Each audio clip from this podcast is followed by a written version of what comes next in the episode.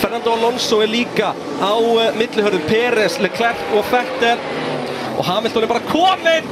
Já, Hamilton er að taka fórustu hérna þegar Fest Norris fer út í vegginn Nei, ekki alveg næra að komast áfram en Lewis Hamilton er komin í fórustu gulum flöggum veifað, Alonso er komin inn og þetta voru bara mistök hjá breytanum unga hann dreymdi um að klára þetta It's full wet voice. I got a box. I've got a shut.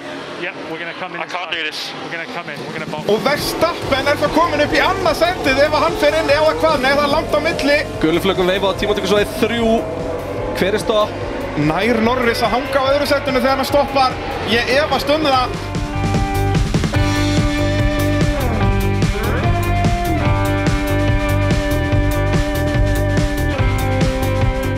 Æ, var þetta ekki ómikið heartbreak bræði? ég er bara, ég er ennþá Akkur, akkur valdur þessa klippu? Akkur valdur ekki eitthvað Norris og Ráspól eða eitthvað, þú Já, veist? nákvæmlega, takk eitthvað bara frá lögadeginum Já, Já, ég veit að þetta er Ég brotnaði ekki hjartað í öllum Þú veist, grjóthörðustu Ferrari menn Þú veist, þú- það var alltaf þessi rígur milli Ferrari og McLaren sem er alveg að koma aftur núna já. Þú veist, ég held meira að segja að grjóthörðustu Ferrari mennir bara til fósi fór að gráta það Já, formúlega er það ekki að það flókin okkur núna, sko. að Eiginlega allir sem er að horfa að halda hann okkur meira með Hamilton og Vestabar. Já Það er, þú veist, út að, þó að þú heldur með eitthvað með Já. meira eða þú veist, ert McLaren maður eða eitthvað þá verður alltaf að hafa skoðun á toppnum þú veist, Já. annars verður bara leiðilegt að horfa í rauninni, sko Og svo eru held ég rosalega margir sem halda með bara svona tíu ökumunum. Já, ég, það er mín tilfinningi mitt og það Já. eru mjög margir sem eru svona, já, Russell í fíla hann maður, já, Norris, geggjaður, Klerk, flottur Já, maður Sainz, flottur Sainz, og geggjaður. Ricardo og Ég segi bara það, dýrka það eru bara Ricardo allir og bara, svo er Fettel alltaf æðislegur, þú veist, Já. það er eitthvað svona þannig að þú veist, þetta er einhvern veginn svona þú veist, aðla sem eiga fáastöðnismenn Masipin, Sunoda Gastli á fulltastöðnisfólki samt kannski ekki á Íslandi eh, Jú, jú, jú, jú, við höfum það oft er- séð það bara inn í kommentunum í okkur og svona Já.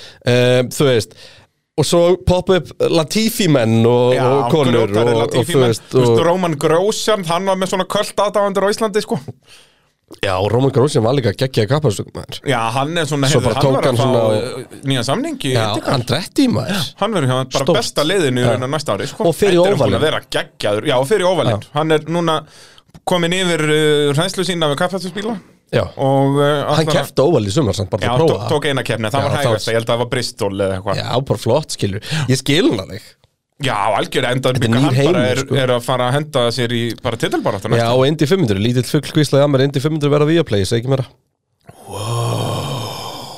Það eru skúpin í pittinum hægri vinstri uh, Ég er þetta ekki með að staðfest en, Nei, en nei, en þú lítill veist, fugl það er, þetta hvíslaði að eru mér. litlu fuglandir á gödunni sem er að segja okkur þetta Það Eh, Átti eitthvað svona fugglahljóð Nei, Já, ekki, sko, ég verða að fara að læra betur að taka nú Það var gott að hendi góðan bandir með svona fýblaganga Þetta verði bara eins og eitthvað þáttur af 957, sko Það verði Eitthvað bara svona. ding, ding, ding, ding, ding Já. Pjum, pjum, pjum og þú veist Fær hérna mínus 15 stíð í spátdórskeppni Já, og taka, þú veist, alvöru pjá Úr Já. einhverju bíómynd eða eitthvað Pjá, pjá Vá, hvað það var enda gott Já, ég þurfti að hendi það, sko Það er Bing. mjög gott pjá í, í Step Brothers Ég hugsa hver einasta mynd sem þú horfir á með Sylvester Sl- Stallone sem er fullt af sem páum í er fullt líka af pjá, já.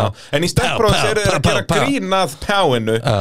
Þeir eru að tala um The Carolina Wine Mixer Pjá, pjá! Það er mögfindið aðriði uh, Við erum að sjálfsögja Nóa Sirius stúdíu og podcastaðurinn, Kristján Aldrei Rétt. gleyma því Nei. Aldrei Og aldrei gleyma því að uh, þú fær bestu verkverðin í verkverða sölunni Hvar farið besta Herri, bensínið, veistu það? Veistu, að ég segja svolítið geggja Segðu mér eitthvað geggjað. verkfærasalinn á ammali og Bara í dag eða svona á þessum tíma bara ég sko, ef að ég skoða fyrir sögubækurnar Ú. þá hafa alltaf verið geggju tilbúð á ammalistum verkfærasalinnar Og er núna eitthvað svona þannig vika eða hvernig vika er þú þetta? veist, ef svo ólíklega væri þá myndi ég halda að það yrði ég góður afslatur á ansi mörgu frá 50 Það er svo leiðis Eru þetta litlu fuglarnir að kvísla þessu aðeir líka? Vá, hvað eru búin að miklu, litl, margir litlu fuglar í mínu við Sko, lífi elskum góða litla Þetta er fugla. svona þegar berin eru á trjánum Já. sko þá fyllist allt koma- af fugglum sko garðurinn hjá mér hann er, þú, þú veist, það er bara svona það er svona mín skóur í garðinum og ég Já. er ekkert að grínast þið þegar ég opna stundum út á svalir eh, uh, í hjónarbygginu sem er svona snýr út í hennar skó að þá er bara þú veist, það er bara eins og séu svona 15.000 fuglar hana og það er gegn Það er Svo, já, þeir Þetta- koma þetta svona, fer samt- þeir rífa svona í skipturna þína og læta þig svífa niður á svölunum Já. og þannig ferði vinnuna alveg bara Já, þú veist. smekkfullur bara af, af ást og kærleika Já, já, droppa mér í gegnum topplúuna svona frrrr, og þú heyrir bara svona Disney og tónlist einhvern ótrúlega hátti gutti minn komin í belti aftur Já, í já. og þú veist bara, bara þið, þið syngið nokkur lög á leiðinni eða Já. ekki Já. og bara þetta þú alveg vaknar eins og báða í- metrana upp í, upp í eh, skóla, skóla já. já. Já, já, já, en ég minna það er, uh, þetta er, þetta er uh, þú, þú lifir í Disney mynd, þetta að segja mér Uh, já, já, það er, það er gott að heyra Kristján fyndi samt hvernig ég er að segja þér það en þú sagði mér allt sem gerðist í mínu lífið þarna já, já, ég minna við erum góði vinnir Það er rétt, það er Það rétt er bara alveg sama En hvort þú þú veist, vilt þegar eða þú ert í góðu skapu, ég er glaðið, við fengum Braga í góðu skapu í dag hvað ert að segja ég sé oft leiðilegur eða? Þú ert oft í vondu skapi, ég er búin Nei, að vera að hvað kala er- þig út fyrir þetta hvað er að þér? Nei, það er ekkert að mér, býtu, sjáðu, sjáðu, þannig kemur skapsumlan Þetta er það sem ég er að Sérðu, tala um sérðu, Já. fokkaði Kristján, mér líður vel Hættu þessu Já, þú veist, ég var að segja þig Já, bara haldu að fokki kjátti Æ, þú veist, Bræði, við verðum að fara í eitthvað smá reyðistjórnir sko, þetta gengur eitthvað Þetta er ekki fallegt sko En Eh, besta bensinni, það var spurning sem hún spurðir Já. Það er auðvitað í uh, vinahópi Wallís Þar er, Já, það þar er er svoleiðis. háklassa bensín já, Og uh, Er eitthvað leið fyrir að fá, þú veist, meiri afslátt Það er nefnilega svolítið skemmtilegt að segja frá því að ef þú sérst skráðið fyrir óliðsleikli Já. og ferði hópin pitturinn sem er sennilega skemmtilegasti vinnahópur í Íslandi Hvernig fer maður í þennan hóp? ferðin á olis.is, Já. velur hann að líkil og s- eða sækjum líkil Já, eða bara fyllir út upplýsingarnar vinahópur.rolis.is til dæmis eða það, Eða það. Vá. Þá ertu bara strax Um, komin inn á síðuna það væri bara mjög þægilegt og skráðið þar sem pitturinn þá Já, undir náttúrulega þá er, er bara svona sem stendur hópur og skrifar þar inn pitturinn Já. Já, það er svoleiðis sem Það þetta var virkar mjög sniðt og þetta er ekki búin að því þá hvet ég til þess Já, nei, og ég er búin að því, sko svo er náttúrulega besta sjónastöfni á Viaplay Hú, heyrðu, ég, þú veist að ég sökkar fyrir íslensku sjónvarsefni Hvað er með það? það er hérna venjulegt fólk er komið inn, sem er dásamleg bíómynd sem að ég horfði á fyrst þú veist, 2011 eða eitthvað hverna sem hún kom út og ætla að fara að horfa á hann aftur í kvöld Æ, fíla því að eins og ég segi, ég er sökkar fyrir, fyrir íslensku sjónvarsefni sem er samt þú veist eins og Amma Hófi er komið þannig en ég er ekki búin að leggja hana Nei, það er, það er samt sko frú Stella og, og uh, hinn maðurinn í Stella í Orlofi hann Latti og þau eru að ræna banka já, já að hérna, nei, kurteist fólk segja, hvað sem því er venjulegt fólk Já, það var, var það ekki hérna Arnmundur og, og þau hérna Ég þekki þetta ekki. En kurtist fólk heitur hún. Já, Þetta er veistla, Stefán Já. Kall með leik Sigur. gott stöf, gott Hún er stöf. mæri gutt með henn. Herra, ég var að tala um þess að keppni það Herðu, sko, við erum með, með fullta spurningum hérna svona sem ég hendi fremst í skjalið. uh, Ekkert söguhátt Nei, ég var með það. Þið verðið að fara bara í þáttum frá því fyrra. Þar var ég með söguhótt. Þetta eru nú ekki Það marga var einna mjög góð pæling sem við fengum senda hann að, að kippa alltaf út söguhóttinu til að það er búið að vera og henda því bara á Facebook eða Já, eitthvað fyrir, fyrirfram. fyrirfram, Herru, Það er mjög gott sjátt. og eitt, Einar Sveinn sem hérna, henti vá, því við á. erum að gleyma aðal málinu bræði Já, já. Áttu ykkur stað lagið We Are Number One Með okkar menni Stefánu Karl.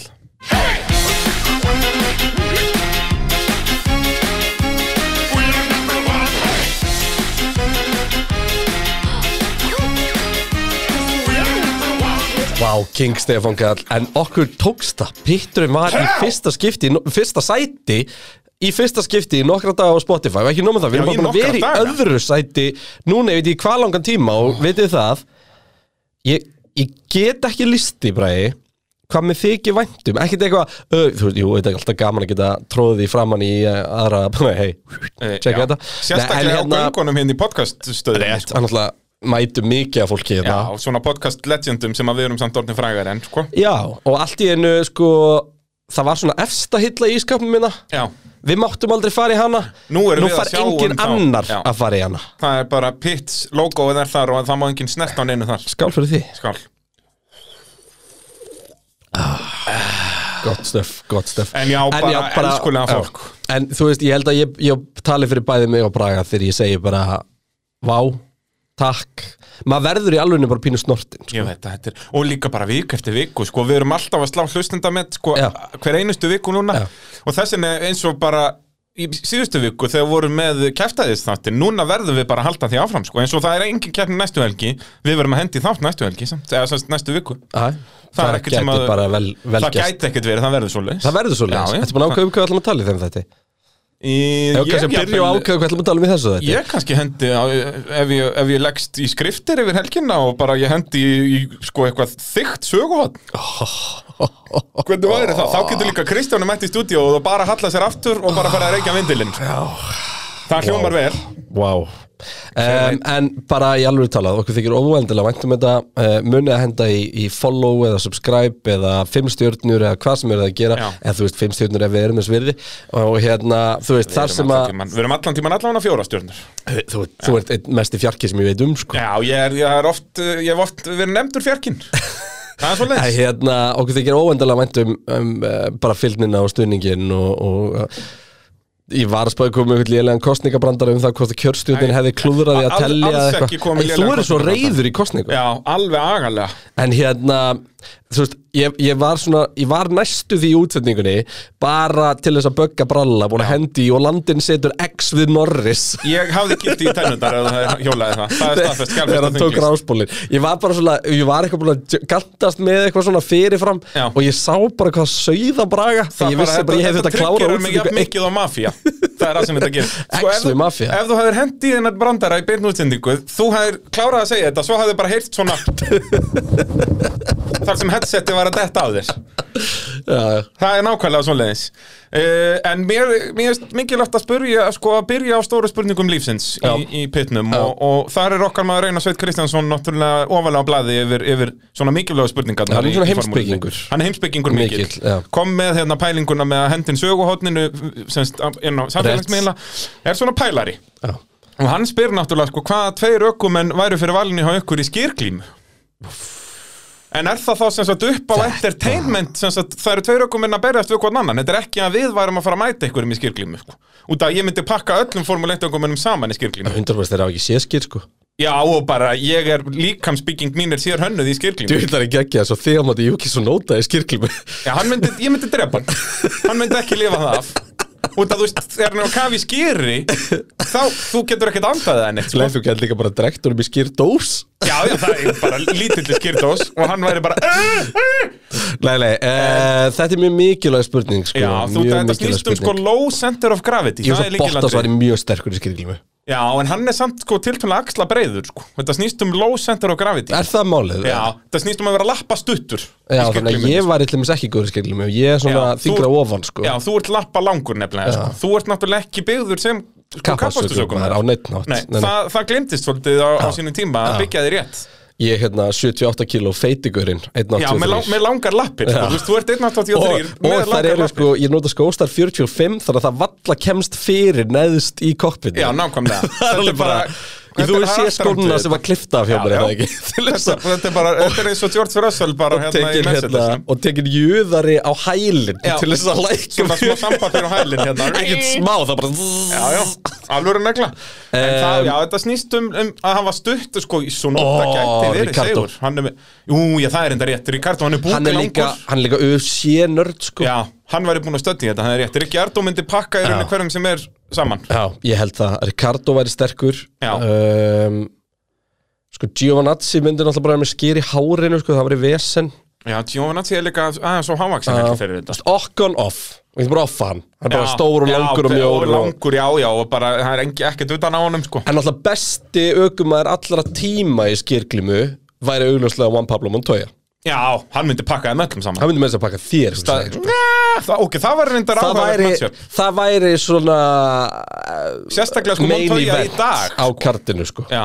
það var allan tíman meinið vel Þetta myndi byrja áskilur Ardó á móti Hamilton Já. Og svo kemi The B-Dug Hvaða lag myndi ég velja í skýrklímu þegar ég er að labba inn á skýrvöllin? Ég svo mjölkubílnum Það er þetta gott sjátt Eða bara það sem vorum að spila hérna áðan, We are number one Já Þetta er allt mjög góð sjátt Já, nema það væri búin að svona einhvern veginn edita í B-Dog number one Já, eitthvað. B-Dug number one Hey! Dun, dun, dun, dun. Já, En af þetta er hverju heldur að gott sjátt. Bottas væri ekki góður? Hann er svo axlabreiður, sko Hann er, með, Ég held- hann er top heavy sko. Ég held samt að hann væri sterkur sko í Já, þessu. það, það gæti verið, sko Þú veist uh, Hamilton og Verstappen Hvor myndi vinna Ham- það? Hamilton Er það hann, málið? hann er minni en er massaður, sko En Verstappen er svo mikið Ég hugsa að Verstappen er svona gæði sem fer bara að býta þegar þú sérði ekki hún í skýrun Já, algjörlega, en Hamilton myndi bara Hamilton taka myndi því. örugglega að gera það líka Já, já, þeir eru þannig tussur sko Já. En Hamilton sko út að hann er lávaksinn Þá getur hann verið með smá meiri massa utan á sér í Ég formúlunni. elska hvað þú ert búin að pæla í þessu okay, Já, þannig, að, þú, algjörlega. veist, þú ert augljóslega skýr klímu sérfræðingunni Já, 100 Þannig pí. að hver er nummer eitt? Ricciardo, þú kallaðar það rétt sko. Já, hann, er, hann er með low center of gravity sko. Ég veit líka hann er með rosalega stór eistu sem hann lafa vel niður A- og voru það- satt starrið það þegar að lækkar- kerði Red Bull Já, reyndar, þegar hann minkaði aðeins á, á maklarinn og runnodóunum en, en, og það er náttúrulega eins og að henda akkeri útskilur það lækkar center of gravity alveg svakar í þessu sko. ja, og ok. þannig viltu hafa þetta, og þannig hver, er ég í og skirklímunni hver væri á mótunum í, þú veist, the main event Það væri sennilega Hamilton sko. út að hann er lítill, það er erfitt að vesenast í honum en er tiltölulega massaður sko. Já, en nú er Hamilton vegan, sko, myndan taka þátt Það Já. þurft að vera eitthvað svona hafraskir Já, hann þyrst að henda því svoleiðis bara, en það við myndum retta því fyrir hann, Já, engar hundra- ágjur af því hundra- hundra prósent. En svo væri það ég og Juan Pablo Montoya sem væri mainkartið sko. Sko, mér finnst ógeðslega fyndið að vera að skoða bara actually, ég er actually að horfa núna á listan yfir ökumenn og velta því fyrir mér Alonso Sko- Já, ú, hann er lappastuttur Já, hann gæti verið segur, hann náttúrulega aðeins kominn á eldri árin, sko en ég meina það er bara að kempa þú veist, hann síndi Já. það um helgina, hann er kempa reynsla, sko reynslan, sko þannig að hann gæti verið lúmskur, sko, gegn Ricciardo sem er svona vildari, sko Alonso myndi koma allt annað á hann Þetta er mikilvægt mál, þannig að við erum að tala um að main eventið væri Ricardo á móti Sigurvegar og glímu Hamilton og Alonso Já. Já. það væri semst náttúrulega ekki mein í vendið út að það væri ég á móti Móti Juan Pablo Montoya, já, já, já. staðfest Augljóslega. en hvor væri betri, Juan Pablo Montoya í dag eða Montoya þú veist 2004 Montoya þegar hann lappaði fyrst inn í formúluna já, sem er þannig hvað, 2002 Ungur, viltur og uh, mjög mjög amerískur í útliti Já, það var, þú veist, á þess að eitthvað Nei, nei, það var bara Það var skriðþungi er nákvæmlega, alvöru nagli og að þú veist, hann líka lágvaksinn sko, þetta, það er, þetta er basl fyrir bíhundin sko. Já. en ég myndi hafa hann, engar ágjur því ég, ég var alltaf með peningin á þér, já, sko 100 p sko, það er nákvæmlega svoleiðis uh, en við færum okkur yfir í spurningu frá Stefánu Sigurðssoni Já, uh, hvað stjórnar því hvernig þeir öftustu raðast sem voru allir með vélarefsingu, til dæmis af hverju var Klerkula Tífi fyrir framanverð stappin ég hugsa Ég er ekki hún að stúta þetta nei, En sko, ég veit að Latifi náttúrulega var fremstur af þeim í tímatökum fyrir utan bara Bottas Þannig að það náttúrulega augljóslega er það fyrsta sem telur um, En ég hugsa að ástæðan fyrir að Verstappen fór ekki inn í Q2 til þess að verja sig þarna var að sama hvað hann fær Það hann alltaf fengið þryggjastæta refsinguna og ná það Þú veist, þryggjastæta monsa refsinguna já, Þannig að það er það sem stjórnar sko, auðvitað, þú færð x margar refsingar fyrir hvað þú skiptir og til dæmis uh, var ekki skipt um allt hjá Bottas þú Nei, veist, það var bara nei. skipt um þrjá af bara Fimm skipt, hlutum skipt, eða skipt eitthvað. um nógu mikið til að setja hann á sinn stað Já, en svo vil er umtalið nú eftir helgina Mercedes sé í raunverulegum vandræðum að mótorinn sem að Bottas hefði fengið á Monza hafi verið gallaður að þetta hafið, þú veist, þetta var ekki bara það að þeir vildu að hafa hann fyrir verstapin út að hann hafði líka verið fyrir verstapin eða hann rest nýjundi eða hver sem hann var, sjöundi eða eitthvað að þú veist, það, það var alveg ástæði fyrir þessu þó að hjálpaði að segja, heyrðu já, ok, þá er hann líka fyrir verstapin, skiluru en, en þetta var út að hann náttúrulega skipti um allt annað Monsa, en það var, eins og þú segir, talað um að, að það hafi sennir, já, komið upp einhver galli eða, eða hvað það var, sko Já að þetta, það var alveg einhver ástæði fyrir þessu förum við eh, kannski betur yfir það eftir því að þetta er alveg mikið áhugjefni fyrir, Fyrir Hamilton. og bara ef þú spári í Latifi lendir í bilun og þess vegna þarf hann að skipta Mhm. Með Mhm. Mercedes. Russell lendir í þannig bilun fyrr á tímubilunu Bottas er búin að lenda í bilun í mótobilun Jep. Hamilton náttúrulega eh, kannski ekki beint bilum, maður veit ekki hversu langt svo vél var komin sem fór í á Sandvort en Mercedes-vílunar hafa og eru ótrúlega sagt, sagt búin að vera mest Já. vesen í sumar. meira en Honda og Renault sko Já. afleikandi og Ferrari uh, Gunnar Björn spyr uh, ef keppnin hefði ekki farið fram vegna ómikilla rigningu hefði verið stappin og fleiri tekið refsingarnar með sér í næstu keppniðar sem að þessi keppni hefði ekki farið fram sko, þannig að Ef ef að- öllu hefði slaufað bara á lögata smotni já, þá hugsa ég þá að- hefði það verið já. svo leiðis En það þeir- hefði alltaf sem þeir hefði sagt, alltaf verið kyrkt aðeins eins og á spa eins og á sko. spa Þú veist, og, þá, og meir, ef við höfum ekki náð einum tímatökum og ekki neitt að þá hefðu bara úslit úr FP2 staðið sem grittið Mhm. þegar við farið 2-3 ringi og staðan sem sagt, þá hefði bara staðan úr FP2 verið, þú veist, þá hefði en, bóttasunnið ok, nú hérna uh, var ég fjárverandi á föstudaginn, Mm. ég var hérna í jarðaför mm. þar sem ég lendi í einu stektasta atveki bara ever og svona fyrst erum í spjallstrimi og kannski segi ég frá því um, hérna uh, fannst þið liðin vera að setja tímantökutíma í FB2 svona eins og það væri Mm, séns Nei, að nefnilega ekki Nei. En það var samt ákvæðustu, fengum skila bara milli Red Bull og Fía fyrir uh, keisluna, semst fyrir sensjónið og þá voru Red Bull einmitt að spyrja na nákvæmlega þessu Ha, Ah, hvernig var leiðir, varst ekki lítið líður að hafa mikið með þér hann?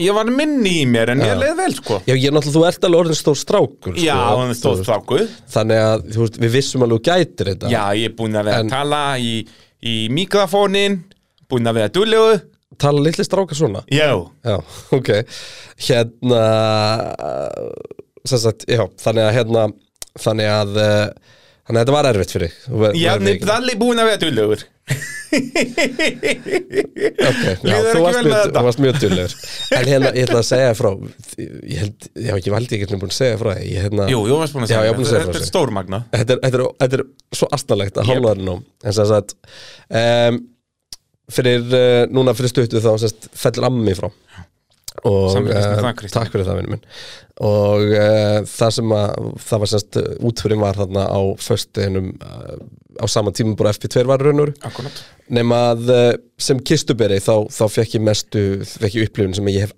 aldrei upplifað áður Já, bara Og, ekki eh, ímynda manni að það Nei. var hægt að lendi í þessu við erum sérst í Dómkirkjunni sem er hann við hliðin á Alþinginshúsinu og uh, þegar við löpum út klukkan svona slá í eitt þá eru mótmæli fyrir utan Alþinginshúsið nema akkurat þegar við tökum fyrsta skrefi með kistuna út úr kirkjunni þá brjótast út geðveik fagnarlandi bara bara að klappa og eitthvað og maður er bara að þú veist hæ? Hvað er í gangi? Hvað er í gangi? Þetta er svo steikt sko ekkert eðlilega og þú veist ég vissi ekki hvort ég ætti að gráta eða hlæja en þetta var þetta eitthvað þess á milli maður er náttúrulega í ákveðinu svona Maður er tilfinningarlegu bara- já, já. uppnámið þegar maður er að þessu og, og þetta, er, þetta eru þungskref Jú, og svo er bara einhver- einhver 300 manns á austuvelli bara "Woo!" að fagna einhverjum loftlagsmálum með einhverjum djöflinum já þetta var sérst já einhverjum, þetta voru held ég loftansmótmæli Já. nema það sem var svo steikt var að þú veist fyrir framan jarðaförun nei fyrir, já, fyrir framan kirkjunni þetta eru kannski svona 10 mínútur Já, 15 kannski og það var bara, þetta hatt engum í huga eitthvað aðeins að tóna sér niður á nei, þessum tíma bara, og þú hliðina, já, þetta er mjög steikt sko það var mjög random Hann bara enginn hafi litið aðeins við og heyrðu Jú, ég kann að róa okkur aðeins hérna, Já, eins og það er segi, bara 5-10 mínútur fjölskylda að sérkja þarna Nei, þetta var alveg fórlegt Já, En ég ég held get- að ég amma get hefði trúað haft því. húmafri Já, það ekki hún var líka sko, hún var róttæk í svona dóti sko Já, nákvæm, já, Þannig Þannig, að- já. Þannig að bara allir löðrandi léttir Eh, höldum áfram, þetta var, þetta var alveg mikið side story Já, en þannig til þess eru podcastin, Kristján minn Já, Það er rétt. bara svoleiðis uh, Ágúst Bjarni spyr uh, Hvort finnst ykkur betra? Pönnukökur eða vöflur? sko þarna Þessna ertu eru náttúrulega aftur, aftur stóru spurningar Já, en þetta er spurning sem verður aldrei svarað því að þú, sko, þetta er Ég er bæði vöfflukall. frábært Þú ert veflugall Já. Sko, þetta er bæði frábært Alveg indislegt Já.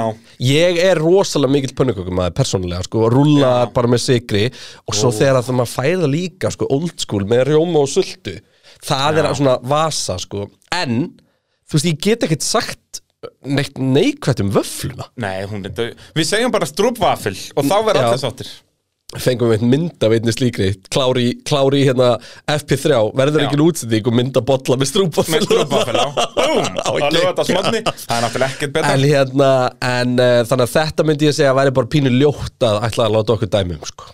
Já, ég ætla að þóra að segja vöflur Já. en ef ég myndi bjóða þér pönnuköku núna hvað myndur þú gera? Ég myndi hakka hana í mig það ekki? á 0-1 En svo er þetta svona, þú veist, það er einmitt svona ömmu pönnukökur sko, sem að eru, þú veist Það er pönnukökur og reyndar, pönnukökur sko- er ekki sami hluturinn sko. Nei, það er rétt, sko og svo kemur við með amerískar þarna líka og það Já. getur alltaf að gera skemmtilegt það en það Þetta er er samt aldrei sennilega, sko, á út pari, af því bara að það er Það er orðið svo langt síðan að amma mín fjall frá, sko að Það er langt síðan ég fekk góða ömmu pönnukökur já, já, já, já. Það þarf að passa upp á þessar uppskritir sko Já, þetta er náttúrulega, þetta var aldrei skrifað niður þessu uppskrift Þetta Nei. er bara, þetta er eitthvað sem á namma mín tók bara með sér í gröfina, sko Já, Það er bara svoleiðis uh, Andri Viðar spyr uh, Hvað hefur gerst ef einna fyrstu ökumönnum uh, til að fara í pittin fyrir intermediate hafði krassað í- inn á sérst inn í pittin í pit entry og lokað pittnum, hefur þeir sendt út öryggisbíl eða rauðflaggað eða bara lokaður pittur og besti skautahlauparinn vinnur það verið geðvikt En nei, þeir höfðu rauðflaggað er þeir það hefðu ekki? ekki, jú, þeir hefðu ekki það er ekki hægt að hafa okkur með út af slikkum Nei. í blöytri keppni af öryggsastæðum Tjúlar að magna að skildi engin krossa stórt Já, en það er líka bara, við verum að gefa Hermann Tilke kredit fyrir það, brautin er vel hönnuð í þetta, þú veist, stóru bremsupunktarnir þá er stórt rönnöf, skilur þannig að- að, Svona akkur náðilega stórt limin Svona rétt kissa veggin og halda já, áfram þegar og við sáum alveg marga kossa nefnilega, þetta var bara eins og gott busaball hann á tíma, sko, að að þeir voru var kissandi alveg hægri vinstri Það var einn ökumæður sem endaði í sama sætu hann var í fyrirrigninguna Er það Alonso? Nei, hann tapaði einu Nei, og Yuki Tsunoda Sonota, í já 17. og næst síðasta Já, Allir aðrir grættu eða töpu já. Já, Þannig og að- skilur, og, og topp 5 ökumennir grættu allir, skilur, það var enginn í topp 5 sem tapaði einu sæti eða eitthvað. Alonso fellur hann neyrum eitt Jú, þessi runni var hann á í restina maður Hann er svo, hann er svo segur Já. Þetta er ótrúlegt að fylgjast með þessu uh, Kolbett Karl spyr uh, hvaðan eru liðin að fá viðurupplýsingar á meðan keppni stendur og hversu mikið þurfa liðin að greina þær Eru þau að hendast á viður.is eða fá allir sömu gögn frá race control Liðin virtist að minnstu kosti mjög misjaflega confident eh, varðandi þróunina Já, það er ekki lengur þannig að liðin séu öll með veðu teimi Nei, Það allir er fá bara- sömu já. upplýsingar Og og það við er erum að með þú- sömu upplýsingar Já, já, og hérna þannig að það er bara spurning hvernig fólk lesu þeim en, en það sem var svolítið magna hana er að sko bræði var svolítið á ratanum en auðvitað erum við líka að horfa á keppna og tímana og allt hitt Mhm. en þú veist, þegar, ég man að þú segir eitthvað nei, þetta verður ekkert mikið og ég lít á ratarinn og það er já, nei, þetta verður ekkert mikið en það byrtist, það myndaðist annar bakki, þannig að sko það er ógstlega erfitt hvernig það var og það fór fram hjá okkur þá en sem sagt, þegar Hamilton fær setna kallið um að koma inn þá er sko bæði Hamilton og Norris og Beisley Bobin segja, nei, rigningin er að minka við finnum það, svo bara myndaðist bara bakki og bara, heyrðu, það er bara 20 sekundur í að hann bara mæti á brautina út af brautin náttúrulega liggur Það eru bara, þú veist, það eru kannski 100-200 metrar frá braut af sjónum Þú veist, þetta er alveg við ströndina þannig að það Og- er uppstreymi og alls konar hluti Já. sem að geta En vandamál Láta er þetta allan gerast allt. daginn, þú veist, það var búið að vera skíabakki þarna yfir Svartahafinu Nei, bara skíabæki, það var bara, bara s- úrhelli Já, já, bara stormur bara var, bara Og hann var var alltaf spurning hvort að á svarta hafi leiðinni. myndi ekki bara Já. hækka nægilega mikið til að gleypa brautina og, og það var alltaf á leiðina þarna í austur, semst að brautinni Já, En það samt alltaf einhvern veginn- gufaði alltaf upp um leið og kom yfir landi já, og fór svona aðeins vestamein við brautina upp yfir landi það sem Já, það fór svona norðvestan einhvern svona bara veginn. upp með strandleikjunni Já. þannig að þú veist, alltaf þegar ég sá nýja og nýja skíabakka formast hann yfir svartafinu þá held ég bara neða ok, þetta mun ekki koma en síðan bara akkurat æ, það er að fimm ringir úr eftir, þá loksins dreifðu það upp á þú land er ekkin sem við erum fræðingur Já, er það ekki? Jú, það, við þurfum alveg að fá annan, bara klárt. við þurfum að fá þriðji manneskjun í þann bara vera svona, sem er alveg geggjað í 80% kemna Já. það er ekkert á ratarnum nei það er ekkert á ratarnum En þá líka verður að, þetta er eins og að vera markmaður í fótballta, verður að hafa pötun og pólsinn um leið og þarf að gera Rétt. eitthvað, það er bara svo leiðis hefur eh, þá að henda okkur í að fara yfir liðin og kemna eða Já, er það ekki bara? Og, og náttúrulega kannski minna hlustendur á, við fengum nokkuð kommentum það að, að fólk hafi gaman að því að við byrjum fyrr á, á Já. Viaplay, við Já. erum núna með smá svona prísjó, Já. byrjum hálftíma fyrir kappakstur Já.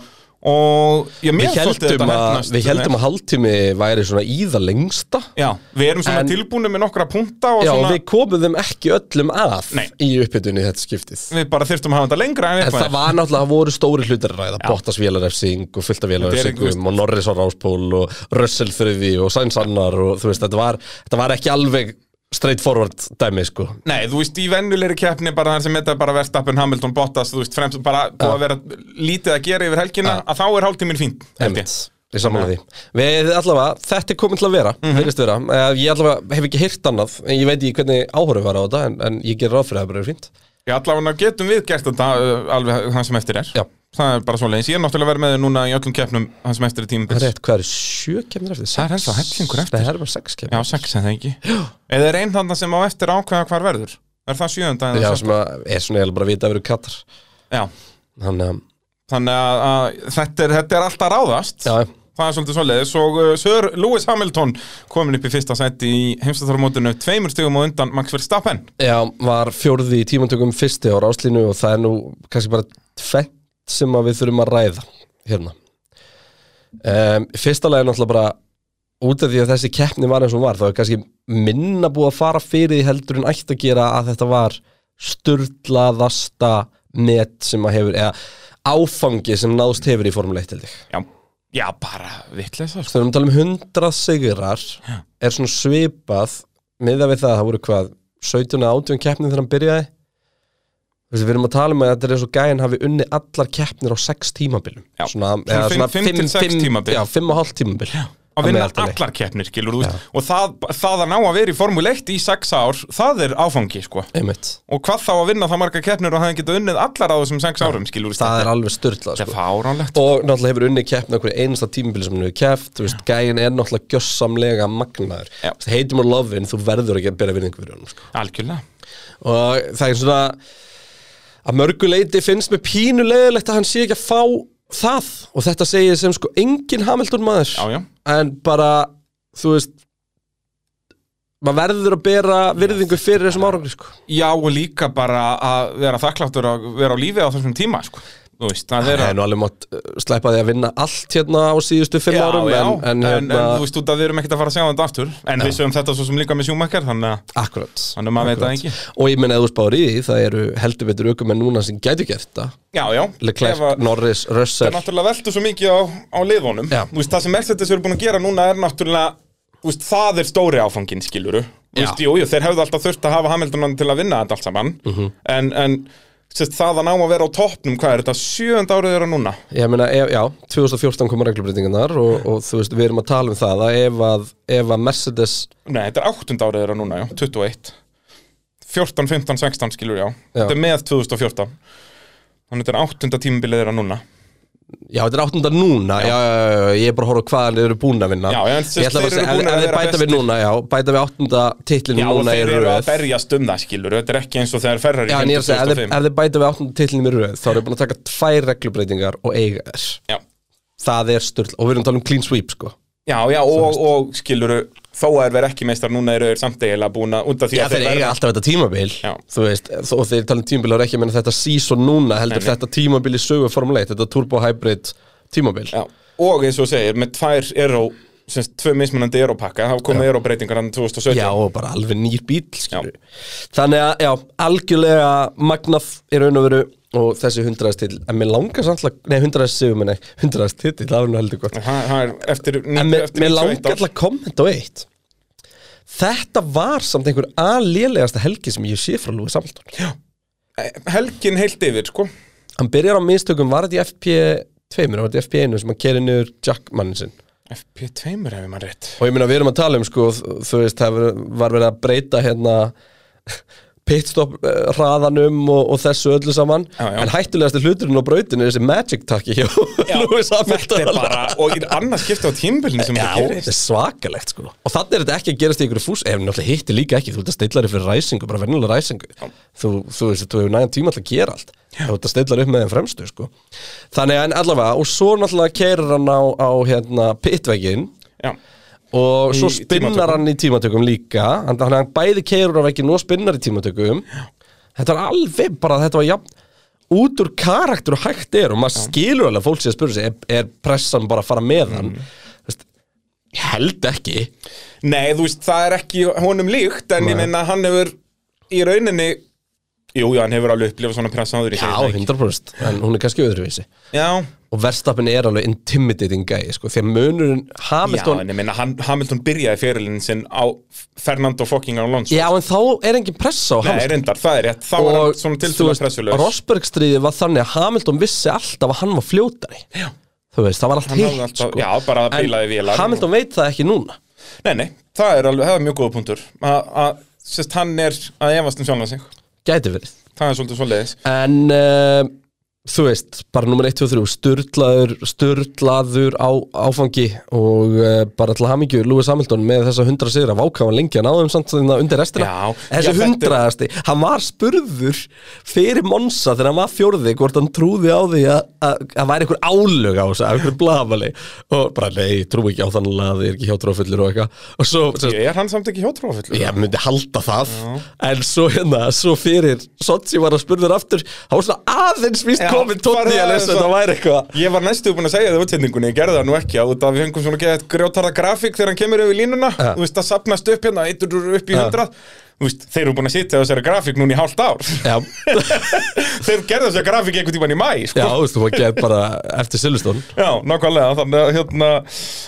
Loksins fengu að vera að nota hann allavega Já, uh, Einar Em, Sveit spyr hérna aftur Eh, en við- Hvernig tekur Hamilton vél? Við ætlum að tala um Bottas, hann var 16. Já, í tímatökum og 50 í Já, sem sagt, keppninni Riser 16. Já, já ræsir 16. Já, hvað hvað er endan? Sjöndi? eða ekki? Já, Hún sjöunda er ekki fjóruð á sjöunda Jú, var það Ég ráðum bara það Frekar frekar en en níundi Nei, var ekki Peres níundi Það er hitt stóra nafnið Já, og fer upp í áttunda þegar Bottas er aftur. Akkurat, akkurat Peres er sjöundi um, og já, þú veist þessi, já, við förum bara ekki um spurningarna, þar, þar eru held ég svör við öllu sem við þurfum að Já, ræða hérna. það er svolítið svoleiðis Uh, Hvenær tekur Hamilton vél? um, Tyrkland það strax bara vantar hvort skástrík hvernar þannig fyrir framann við vitum náttúrulega ekki hver Nei, nei, staðan það er, það er ekki staðfest en ég átti alltaf vona á að myndi taka vel hér og ég átti vona á því, ég meina ég sagði hann tímundavindum ákveð kemur ekki óvart að, Bot- að Hamilton taki bara vel núna í Rúslandi Mhm. myndi ræsa fyrir framann uh, Verstappen.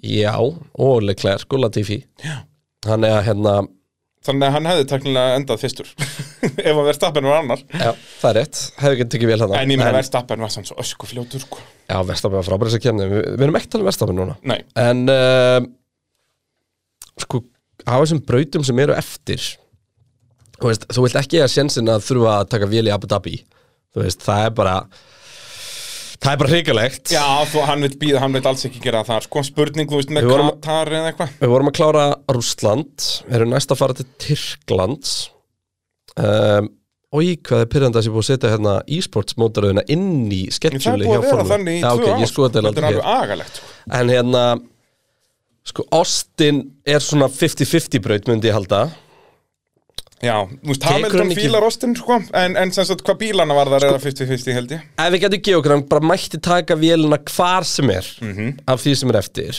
þá myndi mér Mhm. Austin þykja gott, já. Mexiko líklust Já, langur beitt kaplið þar og svona Það er auðvitað frá framöðum Mexiko En líka í Austin Það er eiginlega auðveldara í Austin og það eru tvö stór bremsu Tvöst og bremsa, já, og þessi fyrsta beð Ég elska heila Sökuti Amerikas Já, Það er ógeðslega algjörlega, skemmtileg og braut. líka beigju kom til þess að skilur eftir setna stóra bremsusvæðið kemur hann að vinstri Já, vingill það er og svo allt beigjuna framúrakstur, þar fyrir já. aftan, það er allt framúrakstur Já, hérna, löngu Og beygju svo þarna. ertu með hérna þessa flæðandi Hvað er þetta?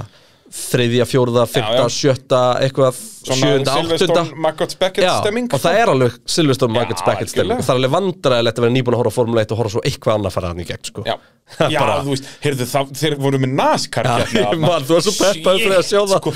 Þeir ándjóks, þú veist, það er fjór, fjórir gírar á NASCAR bíl, þeir voru hann í öðrum gír að l- læðast hann í gegn, Já. bara á engri gjöf, bara uh, Það eina sem bjargaði, ég held að í keppni sjálfi hafi verið rigningakeppni sem gerði þetta ennþá hægara en það var svona meira fút í því Já, þá skildi maður akkur Já. það hægt emitt.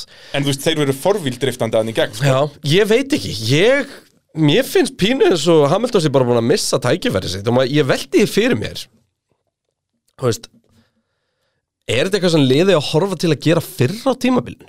Já. Bara taka út refsinguna Já, skipta fyrir, þú veist, Monsa eða eitthvað Já, bara Já. að vera bara að nota eina vél, nei það náttúrulega vill aldrei nota allar þrjár vélarnir í fyrstu þreymur keppnum bara til að vera búin að skráðær fattar þau, og til að ef það kemur einhver uppfæsla eða Já, eitthvað en núna verði einhver uppfæslur í framtíðinni þannig að ég, ég bara veit það ekki bara Nei, ég hugsa að þetta sé annarkvort en þú, Tyrkland þú eða veist, þú Bandaríkin getur glemt ég að gera þetta í Brasilíu Já, já, og þú 100%. glemt ég að gera þetta í Abu Dhabi við vitum ekki nógu mikið um Saudi en þú veist, það er Nei, líka nei. bara næst síðasta keppnin það meikar ekkit sens þú veist, þú vilt alltaf vera með Er þetta ferska ekki- vél í fjóra Er þetta ekki Tyrkland, keppnir Bandaríkin næstu tvær?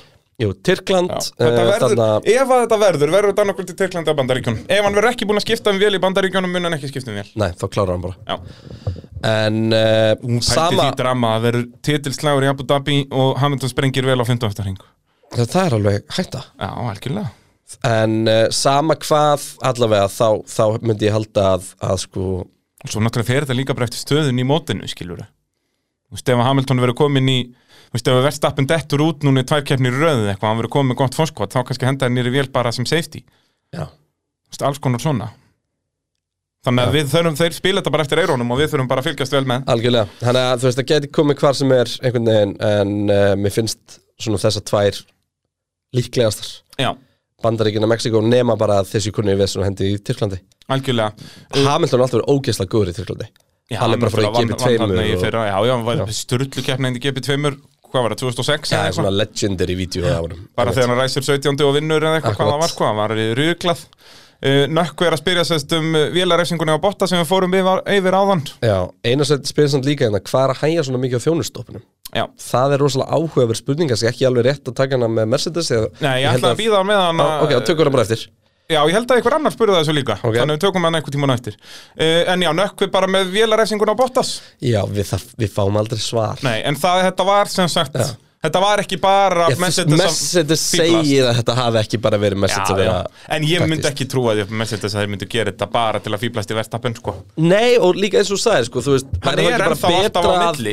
Akkurat, þú veist, átt hann þá bara að vera bara eitthvað kaffbátur hann að hæja á honum, bara, bara svona roadblock, bara erum við ætlum bara að vera hér í 15. sæti. Og fyrir utan að ver, uh, Bottas er bara frægur fyrir að vera lélugur að verjast eins og hann Oh sýndi my bara um god, helgina. hvað var lélugur þegar að fæsta pöfum fram hjá honum? Jep. Ert að fucking grínast? Út af síðan fengum við masterclass í þessu frá, þú veist, Carlos Sainz og mörgum fleirum hvernig á að Norris gera þetta. og Ricardo. Norris, já, Meira Ricardo að var segja geggjaður. George Russell á Williams Þeir voru allir bara að sína hvernig á að verjast þannig nema Bottas, gera svo vel. og, þú veist, Kara það er ekkert hægt að Rudinich spyr að segja þessu. Bottas var með ferska vél þú veist, þetta er bara uh, Kara Rutt spyr, er það bara ég að hleyfti Bottas og verðstappen bara fram með sér þarna í byrjun? hann bara hann Mér lagði rauða dreigilinn fyrir hann En þú veist, var Bottas að reyna þetta? Þú veist, ég held að það sem ég sem held að Kara er að Bottas spyrja hefði bara um. ekki búist við að Vestafn myndi koma að það sko En samt, mannstu hvað ég sagði í, í útsendingunni maður sá það strax á beginu undan bara hvernig Vestafn kom út úr henni bara ok, það er eitthvað onni hérna og það leiti ekkert út fyrir það en svo var Mhm. Já, var það bara, jú, langt hann í burtu, gæti en svo reynt bara, já, pjá. já, þetta var bara, jú uh, eins og Kara segir hérna, þú veist, var þetta of auðvelt já, 100% En þú veist, þá Og er sko, stóra spurningin ég verð þú veist, bara þetta Bottas- pirraður. Bottas er ekkert, hann þarf ekkert að verja þetta lið hann er ennþá í vinnu sko, Já, já, en ég minn, hann getur alltaf sagt eftir keppni að ég bara náði ekki haldunum fyrir aftan Já. Þú veist Það, það gæti alveg verið eitthvað svoleiðis sko. Þórei Ósk spyrir hérna líka af hverju gerir Bottas ekki meira, var mjög lengi í 14 og varðist ekkert gegn Max Með ferska við hann endaði 50 Já, já, en það var ekki, ekki þú veist, honum að þakka þannig Nei, séð, en sem sagt- Bottas var bara lélugur hérna Eins og hann var Já. sterkur alla Monsa-helgina En síðan skiluru eins og að Monsa núna var hann geggjaður í að taka fram úr í Monsa í fyrra var hann lélegur að taka fram úr það er einhvern veginn bara út af við sjáum þetta svo oft frá Bottas að hann bara kemst ekki fram úr Nei, hann er, og þess vegna hef ég miklar ágjur að Bottas í myndfildinu á næsta ári sko. já, bæði með ekki góðan varnarakstur og, og ekki svo sterkur í framúraksturunum Þú veist, það er ekkert sem segir mér að hann hefur verið frábær myndfildugumæður Þótt að Nei. ég veit að Bottas er rosalega hraður aukumæður já, og hann var geggjaður mitt við Bottas tökum er hann að einhvern vilja. veginn svolítið bara svona Stroll er annars aukumæður Með frábær svona í keppnum þar sem hann er bara að keira já, Þú veist, en um leið og stroll fyrir einhvern kappakstur Það verður alveg ömurlegur Já, Nefn á bara fyrsta eins og hann ring Hann er alltaf geggjar á fyrsta ring En svo bara, þú veist, ha?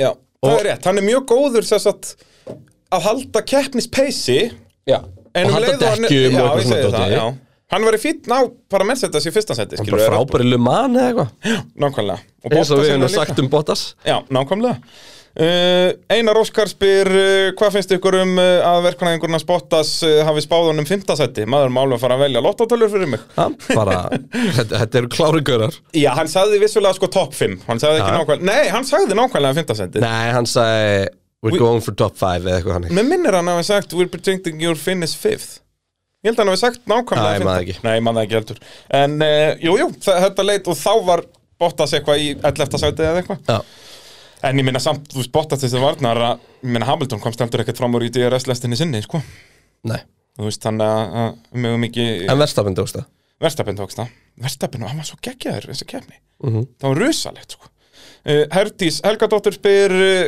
hvað ræður þegar að lið og ökum eru ósamála en til dæmis pitstop, ég elska þessa spurningu Það er ekkit rétt svar þarna Nei, út af því að þarna er þetta bara nákvæmlega eins og áhörvendur myndu halda þetta er svo sett bara liðið er að segja ökumannum að gera eitthvað, þú veist á endanum ræður ökumæðurinn vegna þess að hann getur bara sleft í að fara inn í pitt það er ekkit, liðið getur ekki fara að stjórna bílnum fyrir hann, Nei, en liðið en- getur sagt mjög skýrt og greinlega nei, þú ert að fara að koma Já, inn ef að Hamilton hefði neitað aftur Þá hefði Toto eða James eða eitthvað svona komið- í radioði Já, sko.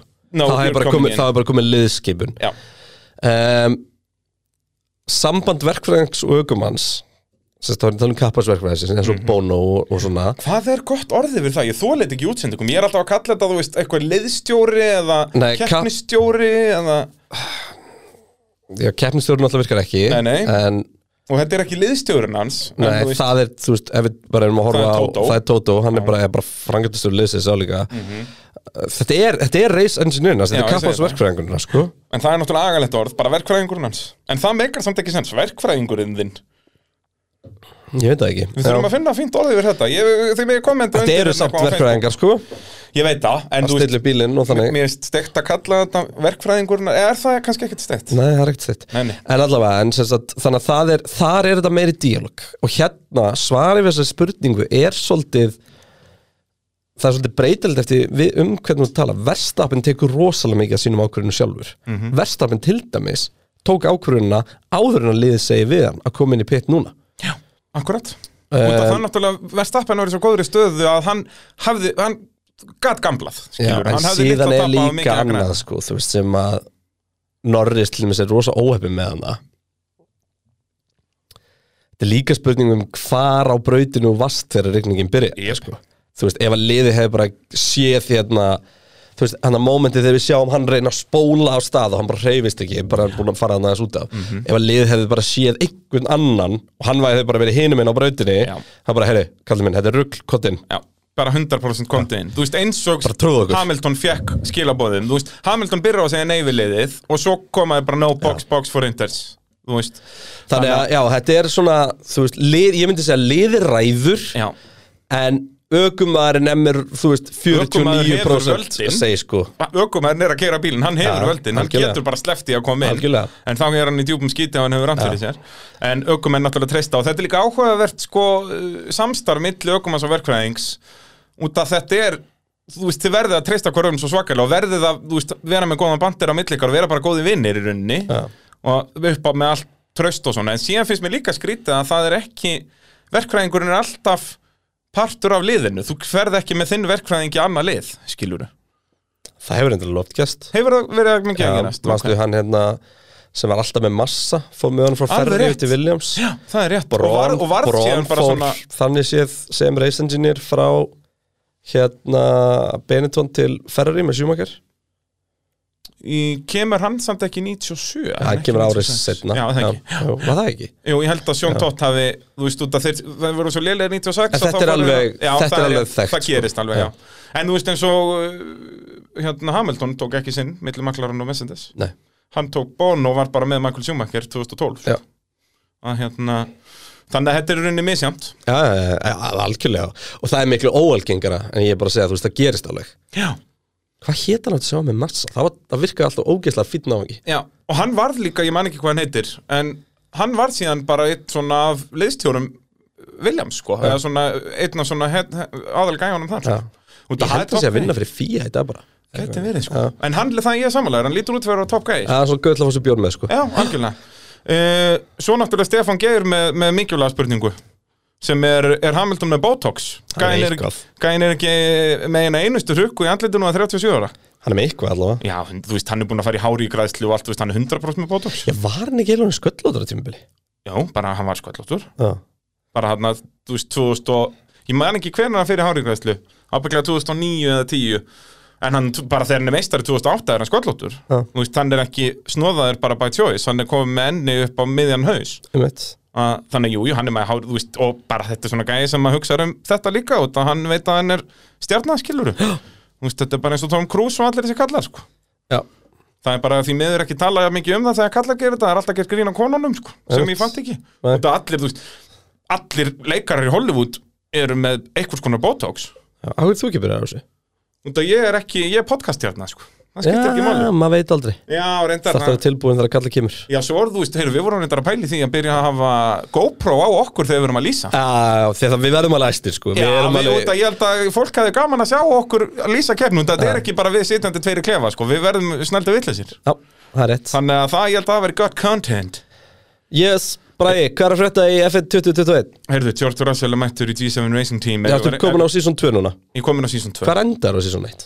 Ég endaði 50, sko Ég náði nokkrum solid Út að þetta er svo mikið upp og niður, sko Sumum brautum vann ég bara Já Og svo öðrum brautum komst ég ekki Og þú stig ert komin með stýru og svona núna Já, já, allan tíma Game Game, changer changer í sérstaklega í Formule 1, sko og Í, í svona Formule 1 leiknum, sko Í rallyleikjum og svoleiðis skiptir þetta ekki alveg að miklu máli Þá var þessi miklu Eh, kemdilega með stýri Já, Og skiptir alveg miklu máli Eh. En, en í Formule 1 þú verður að hafa stýri, sko Það er svolítið verið að tuðja okkur um að við þurfum að fara að streyma Já, hva, og það er bara að fara að töða mikið í okkur Já, við erum bara ykkur að segja þá ég er með ansi stífa dagskrá Já, en ég menna, þú veist, við hljóttum að geta fundið En sko vandamáli er eins og hvernig ég Já, get það, ekki við gert ætlum ekki þetta að tala heima, um sko. þetta hér Já, það er síðan hitt sko Við við það verðum að vera upp í GT Akademíu Já, eða?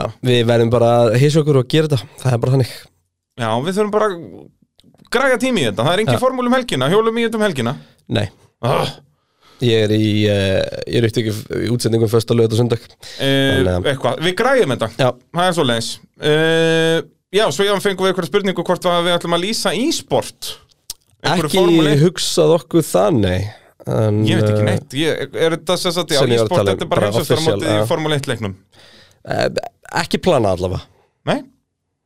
Það er, veistu eitthvað hvenar þetta er? Nei, ég veit ekki hvernig sýningarætturinn á þessu er en, Jú, þetta er hann inn í dagatalinu Já, var þetta Þetta er að fyrir, fara- var þetta eftir Tyrkland eða? uh, Var ég, þetta Það er fullt af keppnum, sko uh, Nú, já, Það kemur hérna, já, beint eftir Tyrkland 13. 14. oktober, svo 27. 28. oktober 24. 25. november Er og þetta 15. tveggja 16. daga dæmi desember eitthvað? Já, það er held ég þrjár keppnir á helgi, sko já, ég, ég verð að viðkynna, ég er ekki mjög peppaður yfir Nei. þessu Að fara að lýsa þessu, það er öruglega einhverjir topp menn að lýsa þessu og það er þetta að hlusta þá Já, 100 bí, Er þetta ekki okkar maður bara í eh, WTF1 sem er að lýsa þessu? veit það ekki Gæti verið uh, Og fara ykkur yfir Red Bull Já, Hvernig væri það? Max Verstappen ræsir 20. og uh, náði sínum besta árangri í keppni á ferlinu með og telur sætin sem hann vinnur upp frá uh, já, byrjun til enda því að hann endaði í öðru sæti en er þó fallið niður í annað sæti þar sem hafa Lúi Samhildun sem var á undan honum fyrir mér þá vann Max Verstappen þessa keppni Já, 100% þú veist, hann og þá er ég ekki að meina sko uh, hann kemur best út úr þess að kemur ég vil varða að fyndi þegar maður sér Hamilton stíð upp í bíl og maður líta á hann og maður bara svona hvernig tókst honum þetta Það er en bara menna, nákvæmlega hann tók svoleiðis. bara ákvörðuna og, og hann var búin að koma sér í stöðuna til þess til að, að geta gamfl eitthvað svona geti gæst Já, sko. þú veist, hann var ekki sem sagt, hann er í rauninni á fullkomnist á þetta hann var byrjar að ströggla þarna, þú veist, Alonso komst fram úr honum, þú veist, hann var dottinn niður í hvað, sjöunda eða sjötta, hann komst upp í Eh, já, sjötta var og ekki dottinn niður í Alonso í sjöunda fymta ég held að hann hafi verið sjötti, sko var Sainz í fymta Stroll er ennþá undan honum, hann er það ekki nei, Stroll var búinn með dekki sín eitthvað, þetta var sjötti eða Ég er sjöndi með þetta hérna, fyrir regninguna, hann var sjöndi Þetta var, Já. nor, fyrir regninguna var þetta Norris, Hamilton, Perez, Sainz, Alonso, Ricciard og Verstappen, Leclerc Og Leclerc var að pressa á hann já, algjörlega, Leclerc var og, og hann var ekki að ná Alonso aftur, sko var bara hann í sjöunda sæti þú veist, eins og ég segi, ef rigningin hefði ekki komið og Norris hafði unnið, hefði það samt verið betra fyrir Hamilton, sko, Alonso hefði getið enda á velnaballi já Bara fair and square sko Já, já Það er Hann var sko. nákvæmlega svo geggjar í siglingu hann undir restina Þú vil að Alonso orðin góður aftur maður Já, hann er alveg búinn að finna mótsjóði núna sko. Það er Geggjað, sko. bara Alpín Svoleiðis að þetta er lukkubóttum hann út að Alpín væri ekkert Já, við tölum kannski betur um það á eftir Já. Uh, Kolbeitt Karl, já, já, og Peres hann ræsir áttundi og endar níundi Sko ég ætlaði að mæta einn og drulla þessu við Perez Já, það er alltaf gaman að því Sko, náttúrulega glatað að klára áttundi í tímatökum Já, en það er bara mjög Pereslegt En það má ekki taka að Peres að hann búin að vinna svo fyrir þriðastætti áður en að regningin kemur sko Jú, það má nefnilega gera það Það má gera það? Já. Akkurri. Eh, Einar Sveitn spyr hérna finnst ykkur Peres í alveg að vera að standa sig drullar á sig trekk í trekk í tímatökum og bjargast stundum andlita á sunnundegi Sko ég elska að hann segi finnst ykkur hann er í alveg að vera að standa sig því að við erum svo búin að vera gaggrinnan hérna Já. på sikrastegið um, En pointi sem ég er að meika er nei, mér finnst hann ekki vera að standa sig en ég held að við getum ekki tekin eitt af honum fyrir þessa keppni Nei. Þú veist, Hann fellur bara svipaland niður og, og Norris Og aðrir bara, já, og, já. Hérna, bara allir þeir sem fóru ringu af sendinni já, og náttúrulega endaði hann út í vegnum það var ekki sínt, þú varst að segja mér já frá því Peres, hann fer bara eins og Hamilton í tímatökum slætar út í veggin inn á þjónustusvæðinu Nú, ok, það var þar slætar bara akkurat eins og Hamilton nema hann nær að slæta það mikið Já. að framendin sveiflast ekki heldur fer bara vinstra afturdekkið í veggin Já. og hann heldur áfram Ok, ok En allavega, þú veist Í þessari keppni var hann búin að standa sig ágætlega En framan af fannst mér hann svo litlösa halva verið nú sko.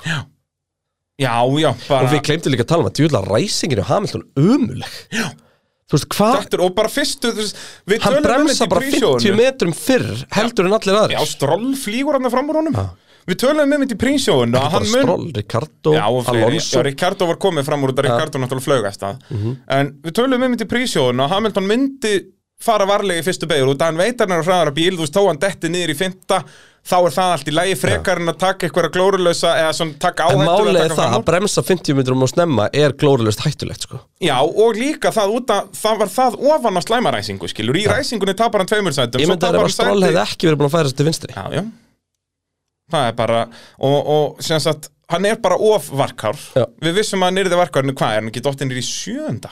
Jú, var það ekki Hann nær Alonso nokkuð fljótt, eða hver var Ég ætla ekki að reyna að lesa í lattjartið úr þessari keppni sko. Nei, guð minn Það er alveg, maður bara- þetta fá hausverk Þetta er bara eins og, þú veist, einhverjum jarðskjaldamæli sko. Ég fór að horfa á útsendinguna síðan aftur um kvöldið og þetta er svona keppni, þetta er svona klassi keppni að það er aldrei dull moment út af voru með þess að tvær, þú veist, þeir, þeir byrjuðu að fara inn í pitt þarna 13. Já, hring við vorum með sko tvær keppnisáallinni gangi fyrir millihörðudekkin og tvær fyrir hörðudekkin Já. Þú veist, það verður meina þá- þeir sem resta á hörðum og þeir sem resta á segi millihörðum það. Það var Þannig að það var alltaf- alltaf einhver rókeringar og náttúrulega bara öndurkvætti sem að Sainz reynir að koma að stað hann að glórulu snemma Nei, það var Stroll sem fyrir fyrst, Sainz eldir hann Já, það var Stroll sem fór fyrst Stroll, Stroll rétt. fyrir fyrst og, og Sainz- þú veist- þú veist, og það er ástæði fyrir þeir eldan við fengum spurningum mynda og það er sem sagt, út af þeir þurftu Alveg bara að rétt. reakta við Stroll Já. og, og Sainz missi Stroll fram úr sér er það ekki Nei, hann var mjög tæft Nei, s- hvor hvor þeirra var með lélegt pitt var það ekki Sainz? Jú, Það voru náttúrulega allir með liðið pitstop Já. Ég man ekkert hverjum með liðið pitstop því að Það þú voru allir, það var hann Það er alveg ástæða fyrir að útsalega verkvæðarsölinu næstu Já, og það bara nákvæmlega, maður. þurfa Öll lið að rífa sig í gang ölliðin að rífa sig í gang sko. Það er nákvæmlega svo leiðis Kolbeitt spyr hérna, er vartappen ekki líkiltöðu til að ná aftur fórustu í, í semst stigamótinu eftir að hafa klárað vélanskiptin þegar Hamilton áði eftir Þetta er náttúrulega svo vorum að tala um áðan Jú. og 100% svo leiðis, ef að Hamilton þarf að taka vél að þá náttúrulega er, og það, þess Já, vegna ég vorum við meina, að tala um það að verðstappen sigra þessa keppni Hvað er bilið núna? Tvö stig, Akkurat og það eru sjö stiga munur frá fyrst hann er í annað, sko En Þetta er þess bara er býtu joke græti Sko, Hamilton Mercedes, Mercedes vann í heimsmyndstarmótinu bílasmiða Já, en sem sagt eh, ef við tökum rigningun úr og keppnin hafði endað eins og hann var hann Norris, Hamilton og Verstappen sjöundi hvað Þá- hefði þá verið stíin á milli Hamilton hefði þá fengið átján hvað er sjöunda, er það Eh, sex nei, átta, eða ekki Ég held að, ég held að hann það er eitt hefði- fyrir tíunda, tvö fyrir níunda fjögur fyrir Ég átta, held með minnir ég hefði reikna út að hann hefði fengið já, Hamilton hefði grætt, níu stig nei, sex fyrir sjöunda Já, en níu stig miða við hvernig það endaði eða eitthvað hannig ef, ef, að ke- ef það hefði ekki Nei, það komið voru rigning og tólfta staðan byrju- hefði verið þá hefði Hamilton fengið Fengið. átján Já.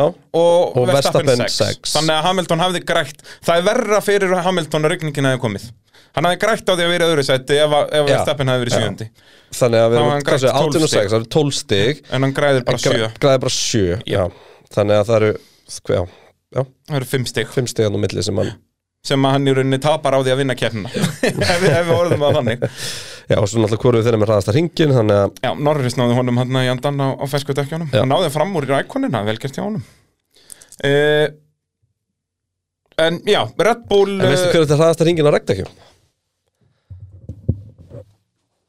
Nei, Pér Gasly já, og hann var sekundu fljótarættur en einhver annar það er svo leiðis Ah, og fljótarættur með hann um, Já, og fara okkur yfir maklarinn Já, er það ekki bara, er Ég þetta meina, ekki þú nokkuð, veist- við tölum nú ekki mikið um Red Bull en við gerum það kannski meira þegar við tölum um Nei, Mercedes ég meina nú er hann bara komið með, með eh, nýja vél, hann verðstapenn Já. og, og þú veist, En tiltan núna er framöndan samt, sko, Mercedes eru komin með núna með gott foskott í kemur bílasmiða, sko Já, Þetta eru ég held 30 að, ég stigur um held tilfyringi mín er að sko bílasmiðatillin skipti Mercedes meiramáli en að hérna hinsmjöndatill aukumanna skipti Red Bull meiramáli Ég veist, sta- þannig er bara staðan vegna þess að staðan er svona Nei, ég hef alltaf bara haft þá tilfinningu Já, en náttúrulega sem sagt, fyrir þau sem ekki vita, þá sérst fá lið, liðin pening miðað við hverði enda í mótinu en peningurinn sem það fær fyrir að eiga heimsmeistaran er miklu meiri Já. Þú veist, liðin græða miklu meira á því Þú veist, ef að Red Er Bull það þannig að, að semst, Já, bara í Já, sponsortekjur og meina bara það, já, já, já, já, já, já. Já, nei, ég er ekki að tala um official pening frá Formule 1 Ég mér fannst það líka eitthvað skrítið Já, nei, nei, það er alls ekki svoleiðis Ég held að semst, það er en, engin peningur fyrir ökumin Þetta er bara hvar þú já. endar í kefni Bílasmiðja. En þú veist, bara exposure sem þú fær fyrir að vera með Max Verstappen World Champion Já. Þú græðir miklu meira á því heldur en þessar auka Algjörlega. 50 miljónir eða hvað þetta er sem þú fær hann Algjörlega. að milli sanda sko. Já, og bara eins og við talum uh, með uh, hverju þurfa að fara í verkfærsöluna Það eru bara literally allir Já, þeir, þessi lið verða að fara að rífa sig í Bara gang Öll liðin, Það er eins og það hafa aldrei komið inn í verkvæðarsvöluna það leit þannig út um helgina Já. Það var bara vandræld, við erum búin að segja þeim frá þessu núna bara, ég veit ekki hvað lengi trekk í trekk og við vitum að þau eru að hlusta á pittin að hlusta allir á pittin því að we are number one hey! Þú veist, Tvö núna reyndar að það er skellur já en ég meina það, við erum að taka upp þátt við rýfum okkur í gang Eh, En eh, já, verkfærasalan eh, Þessi lið verða að fara að rífa sig í gang Skella sér verkfærasalana, Yep. sérstaklega núna eða það er að byrja tilbúð maður, afmælist tilbúð Ammælstaðar, fíla það. Fú, er Milwaukee inn að að fljúga út bara hægri vinstri á, á klinki Já, yeah. þetta er bara Mætið er bara um helgina Getur ekki klinkað uh, McLaren Mercedes Lando fucking Norris Elsku kallinn En hann er minna, en Landon Norris Ok Sama hvernig þú lítur á þetta Það er hann sigurverð helgarnar Fyrir utan bara það að Vestamenn grætti á Hamilton En Landon Norris fer út fyrir þessar helgi Ef það var einhver sem efaðist um hvað þessi gæi getur Þá efast hann ekki með lengur núna Hann var undir mestu pressu sem að þú getur líklegast verið í Formule 1 Með Lewis Hamilton andandi hún í hálsmáli á sér Hann setur McLaren á ráspól í erfiðum aðstæðum hann gerði ekkert vittlust í þessari keppni fram að því að vera of ákveðin undir restina bara eh, blindaðist svolítið af og meira þess að segja bara aksturnas í rigningunni á þurrudekkjunum fram að því að þetta verður bara rugl með Lewis fucking Hamilton í speiklunum Jesus Christ maður, þessi gæi sko, mér fannst hann langmest impressive við London Norris hans að helgina voru þessir, hvað voru þetta, kannski þrýr, fjóri hringir þegar Hamilton er komin in range, Já. er komin að Þetta 1,2 sko- á eftir bara hvernig og, gerir þetta? og sérst, að þessir þrýr, fjóri hringir sem Hamilton er komin, já, in range og getur farið að- að komast inn í DRS-væðið og svo framvegis og Lando hleypur hann ekki inn sérst, Nei, Lando- og er bara á Lando- verstunum svo vel hann fer bara, hann hægir aðeins á sér í gegnum tímatökusvæði 1 og 2 gefur er svo bara með Mhm. allt í allt í tímatökusvæði 3 þannig að Hamilton tekst aldrei að opna afturvængin einu viti fyrir aftan hann Mhm.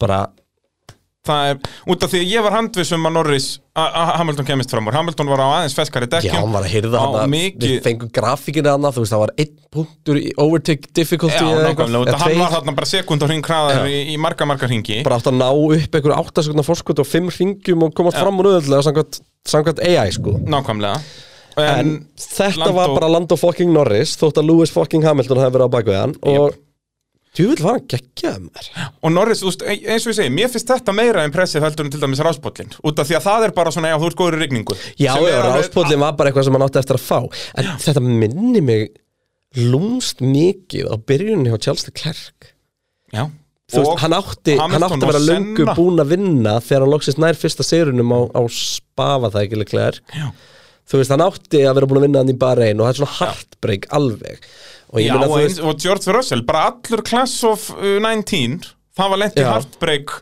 Sest, Russell á átti að svona vinna fyrst- Mercedes og akkurat, Sjaki já, vá, all, allir Albon 2019 átti að vinna í, í austur, Brasilíu- eh, já, Austuríki og Brasilíu í rauninni, eða Brasilíu kannski frekar en í bæði skiptum Klessin Hamilton á hann Eh, var það ekki fyrsti velunapallinu sem var on the table í Brasilíu var, var, Verstapin vann held ég nokkuð afgjörandi í Brasilíu já, Nei, var ekki, Það var ekki í fyrsta sæti, það var- hann var í öðru sæti Ringa okkon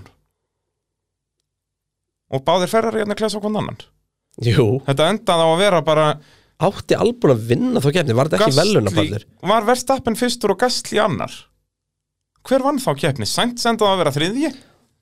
já, eftir að hinn var dæmdur niður Já, ég segi það, en sérst hver vann? Var Ég er að- Verstappen, er ég er þetta að ekki googla. sama? Erum við að ruggla um Jú, um Verstappen það? vann. Já, ok, þannig Já. að hann hafi verið í Það öðru. var- En það er þá Austuríki sem hann átti að vinna Það var bara í Þá fór- fyrra sem Þá fór er- vélinn í, í bílum með Verstappen var það ekki bara í fyrra sem að Fettel og, og Leclerc lentu saman Jú, já, þá, þá keirir hann utan í, utan í Albon og einmitt og svo Östuríki hérna, það var kefnin sem hann átti að vinna já, út af þá fór vélinn hjá Verstappen sko. þannig að þú veist, einmitt allir 2019 klassin bara Já, hann var lent í Já. þessu hartbreyki, skilur en, en já, ég held nú að bæði Russell og Landó Og- munin á sigri eins og og þú veist, þetta er Leclerc sami gerði. ráspólun hjá honum hann átti að ná ráspólunum á spa þú veist En svo Læri náttúrulega hér. verður verð Williamson svo geggjaður á næsta ári að að Albon verið mestari En og manstu- Tífi verið öðru sendi Manstu því ég kólaði að Norris er á pól Ó, þetta er, eins og ég segi, ég þarf að fara að brenna þig út af því að þú ert að goddamn witch Æ, hérna, En allavega um, Bara Þú veist, ef- vonandi getur Norris bara haldið áfram hort og þetta tilbaka sem bara hjúts lærdóm Má hvað ég vona að maklarinn vera góður um næsta ári En ég held sko að vandamálið þarna hafi verið að sko maklarinn eru það óvanir að vera að berja eða óvön um að vera að berjast í toppsætum og í svona, þú veist, win or lose aðstæðum. Mhm. Já, þetta var alveg bara pressan fór með þá semst bæði land og liðið Já, og ég held að bara það er ekki til protokól um hvað, hver ræður í þessum aðstæðum Mhm.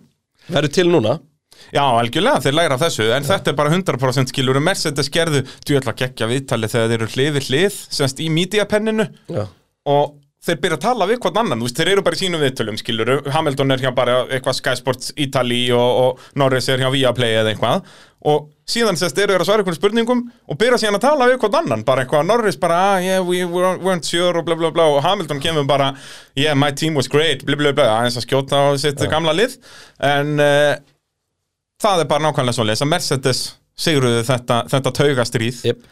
en náttúrulega það sem var þægilegt fyrir Mercedes er að þeir höfðu Norris fyrir fram að sig þú veist við megum ekki gleyma hversu svakalega mikilvægt það er Já því að Norris var mögulega fórna festsætnum með að taka dekk Já. meðan að þeir höfðu alltaf og Já. þú veist það Og hafði Hamilton nefnilega átti verið svo alltaf frítt áhugavert pitstop. það hafði verið svo áhugavert ef að Norris hafði farið inn hvort að Hamilton, ég held að Hamilton hafði ekki eldan Ha, þá hefði Hamilton óræðið Já.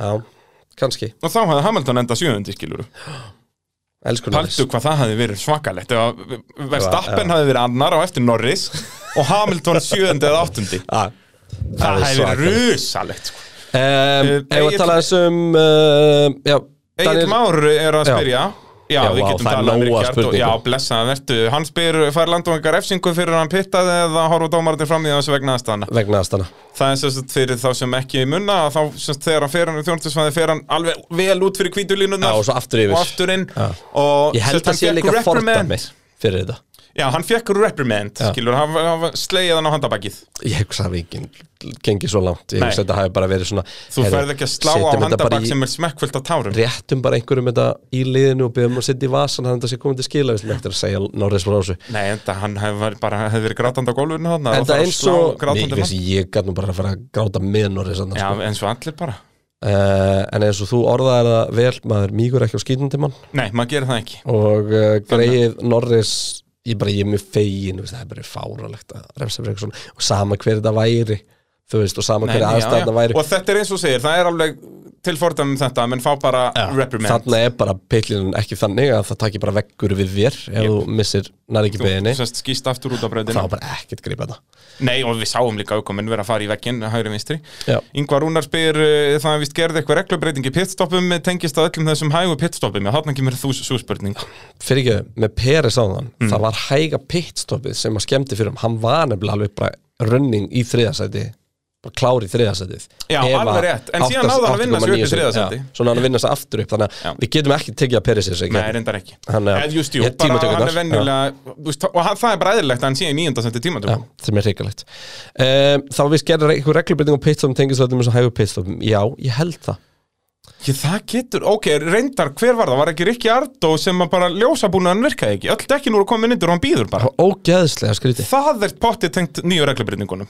100%. Þetta þá er þetta skilur þegar allir eru komnir, sérst ídallir á takka, þegar þú bara sem dekja, þú veist, það er takja á byssunni, lo- lollipop maðurinn sem Já. er náttúrulega ekki með lollipopið lengur, en hann er með takka til að pitlinni sé klart. Þú veist, þetta er einhverjir sex eða átta takkar sem verða að vera búaða í þá Já. og þá kemur grænaljósið. Einmitt. Núna er reglan þannig að þegar allir takkandir er að búa í það á alla þá er, kemur smá delay og svo kemur græna ljósið uh, Þannig að þetta getur hugsanlega og ég haft eitthvað hugsa með það til að dæmis gera. með Red Bull mistökin sem að hann var núna verið að gerast Mhm. að það tengist þessu út af því að þú, þú veist, það er bara búið að æfa eitthvað annað svo mikið sko. Já, getur verið, það er enda góða punktur þannig að ég, ég veit það ekki, mér finnst þetta Miða við skrítið við höfum séð mikið af þessu bara frá því að þessa reglubreiting kom og sérstaklega núna um helgina þetta var Já, svakalegt. ég skil ekki alveg þessar reglubrytingu yfir að reynskilja Nei, ég hata, ég hata þessa reglu Þú veist sko, ég Mercedes skil- ég skil náttúrulega ekki hvað er inquire- öruggara, sko. Ég sko, málið er það að Red Bull voru að gera þetta þannig að búnaðurinn gerði alltaf ráð fyrir ekkert klikkaði Já, þannig að þú veist sá sem er að herða er búin að íta og takka hann áður en að allt er orðið fast og bara gerir ráð fyrir hvað tekur langan tíma að losa byssuna mm Mhm. skilur við já, já um, og það er það sem við verðum að stoppa og ég Já. kaupi þá hugmyndafræði en málega bara það, þú veist, við höfum ekki séð slis út af þessu Magic takkinu á Hamilton og hættilegri sko. Já, og líka við vorum ekki að sjá, þú veist, út að ég skil þetta að hlýfa út að þú ert með að halda í byssuna og þú ert að rík haldi í þetta út að þetta er svo mikil kraftur og síðan ef að byssan er ennþá á dekkinu og bílum fyrir að stað, getur þú handlegsbrotnað eða eitthvað svoleiðis. En það, við höfum aldrei séð þau slis, slisin sem við sjáum er að það er verið að keira yfir lappir, þú veist til dæmis enda Ferrari á bara einum árið þegar kemur ekkonin fótbrítur eitt, eitt servismannin sinn Emitt og það hefur ekkert með þetta að gera Nei. Þú veist, fólk er ekki, þó að síðan þessi millisekund eins og Red Bull eru búin að æfa skilur og þú ítir að takkan þegar þú ert ekki alveg búin að herða og gerir síðan bara ráð fyrir það og náir í burtu sem er mjög öðvelt, þetta er allt hanna þannig að þetta svífur inn og út bara með engu vesenni að það er ekki það er ekki þessi hætta, þannig að eins og ég segi það er Við höfum ekki séð þessi vandamál, en þá líka virði ég það að það er setta regluna áður en við sjáum slysið, það er ekki Algjörlega. beðið En eftir að einhver reglan slasi sig. kemur út í að Mercedes er raun og verið inquirer um hvern, um, með nýjan búnað Já.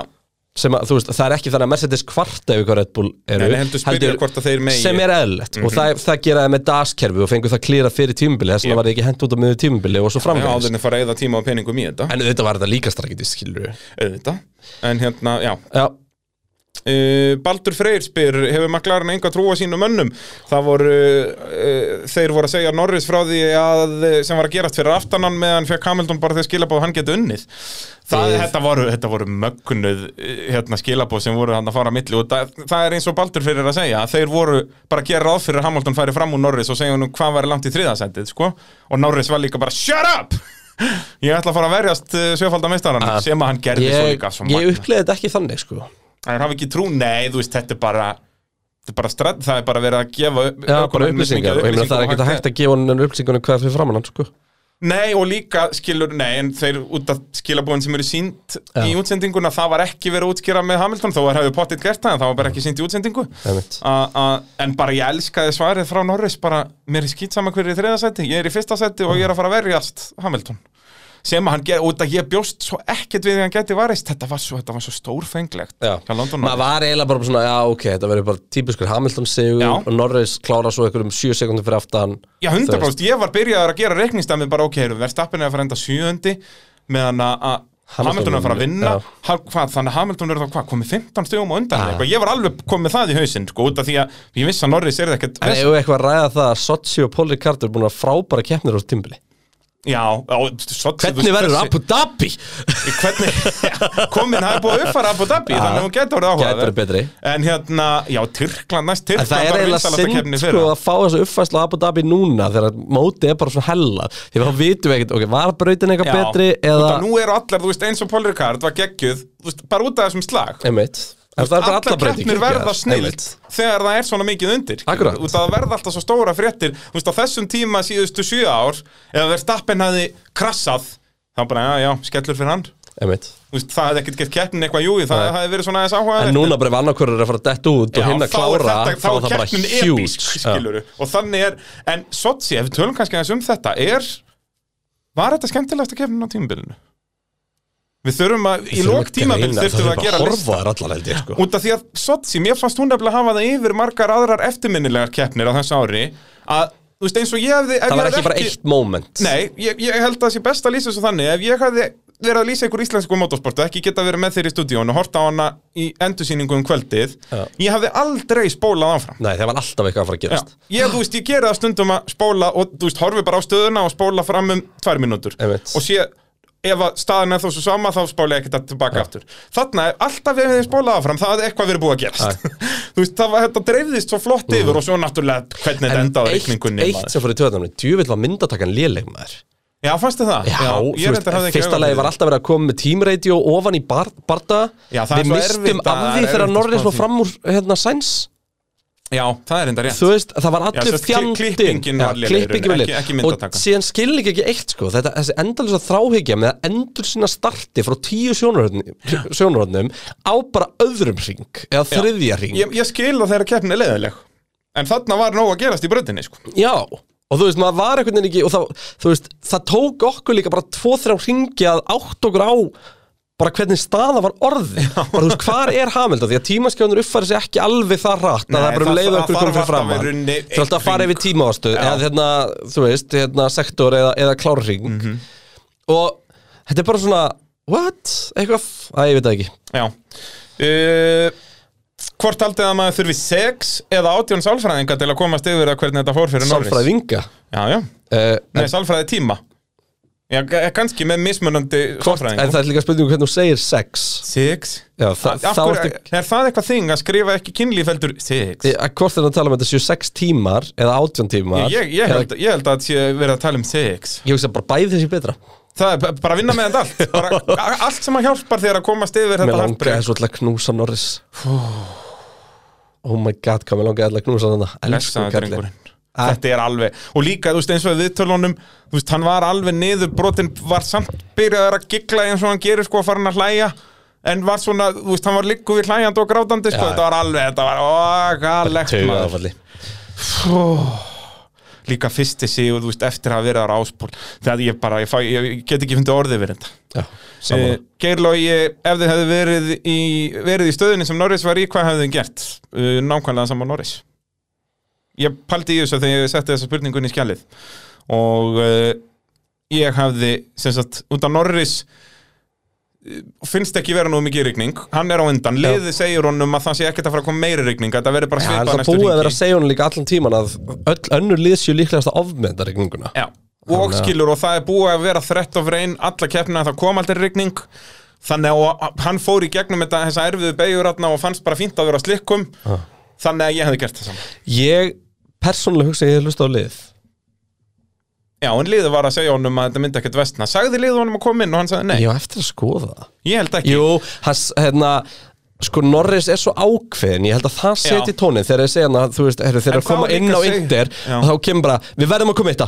já þú veist, við verðum að koma eitt á að en vera þá úti líka vantaði meira, kannski meira bein, bein í nefið á, á verkvæðingnum að segja bara, nei, nei, þú ert að koma inn við ætlum ekki að tapa þessari keppni á því að þú endur út í vegg liðið í rauninni hlustaði of mikið á Norris Já. skilur, þú veist, það, það er þetta samstarf sem við vorum að tala Ja, um sko.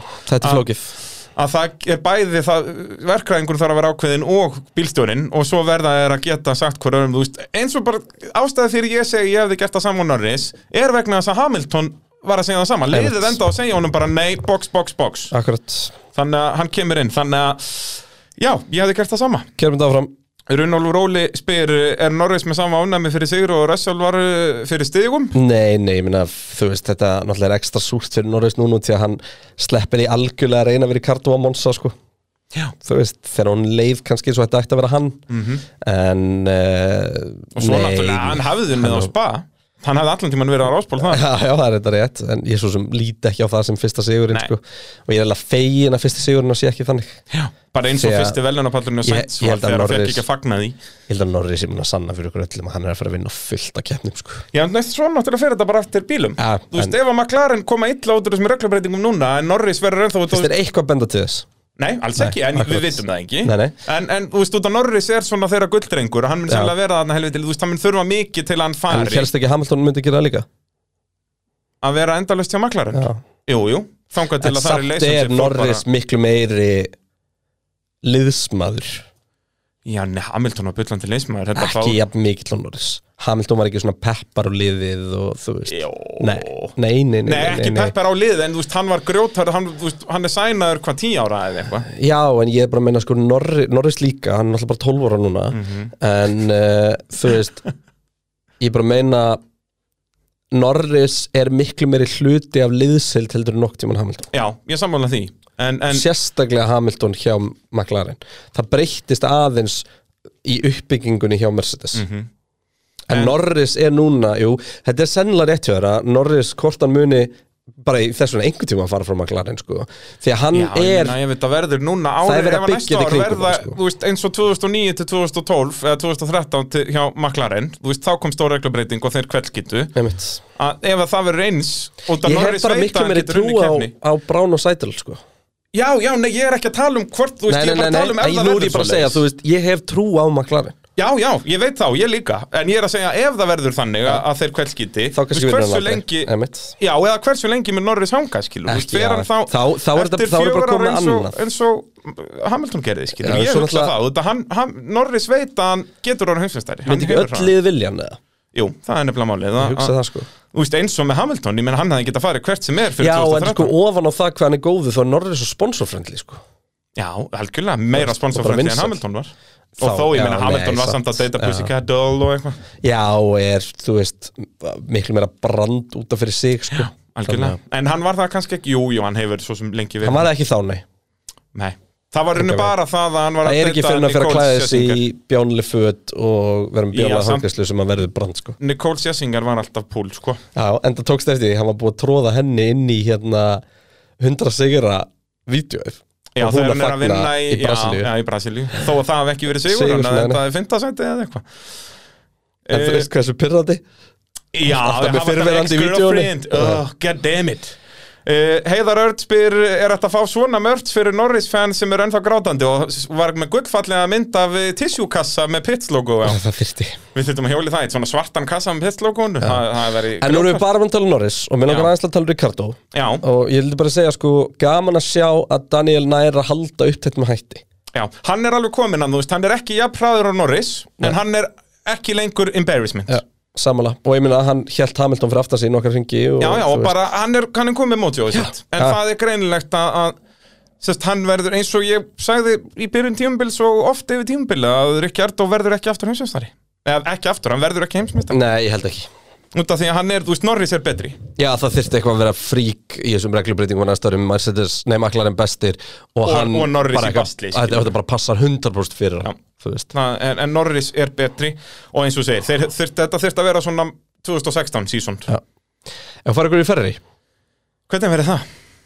uh, Charles Leclerc ræsir 19. eftir að skipta um vél og hún 15. í keppninni Fær hann að uppfært hybridkerfið Já, það er nú Ekki eitthvað sem Sainz. við þurfum að, að að Já, ræða við erum að tala um einhver tíðhestum En hvað ætlum við að ræða? Við fengum einhvern veginn ekki að sjá neitt Þú veist, Ferri voru ennþá drullu hæg í beinni línu, sko Já, en þú veist, eins og bara á æfingum og tímatökum og öllu, þú veist, ég, ég sá í raun engan mun á þeim Nei, mér finnst það eiginlega að vera meira bara sæns og frábæra þess algjöra Já, Annar í tímatökum, klára þriðji Hjælt hann verið búin að kl- bara klúður þessu Var náttúrulega alveg ekkert eðlilega vonsveikinn Þegar hann kemur út og heyrar hans í 50 já og eh, hann gerði bara drullu vel og, og ferrir í, þú veist, jú, McLaren ná að krafsa stíin og það er náttúrulega bara fjórasæti hjá uh, Ricardo þannig að, uh, og Ricardo bara hratt að ná ferri ykkur munnu, Já, hann er núna alveg búinn að stinga af skilur þá sem hann var að berjast í, í byrjun já, tíma Alpín og Aston og Alfa, Já, eh, allir- allir þeir Gasly og, ökumenn, og já. Alonso og þetta, já En núna er hann búinn að stinga þá alltaf af og er núna bara, hvað er hann ekki bara einhverjum tíu stöfum fyrir aftanlega klærk? Ja?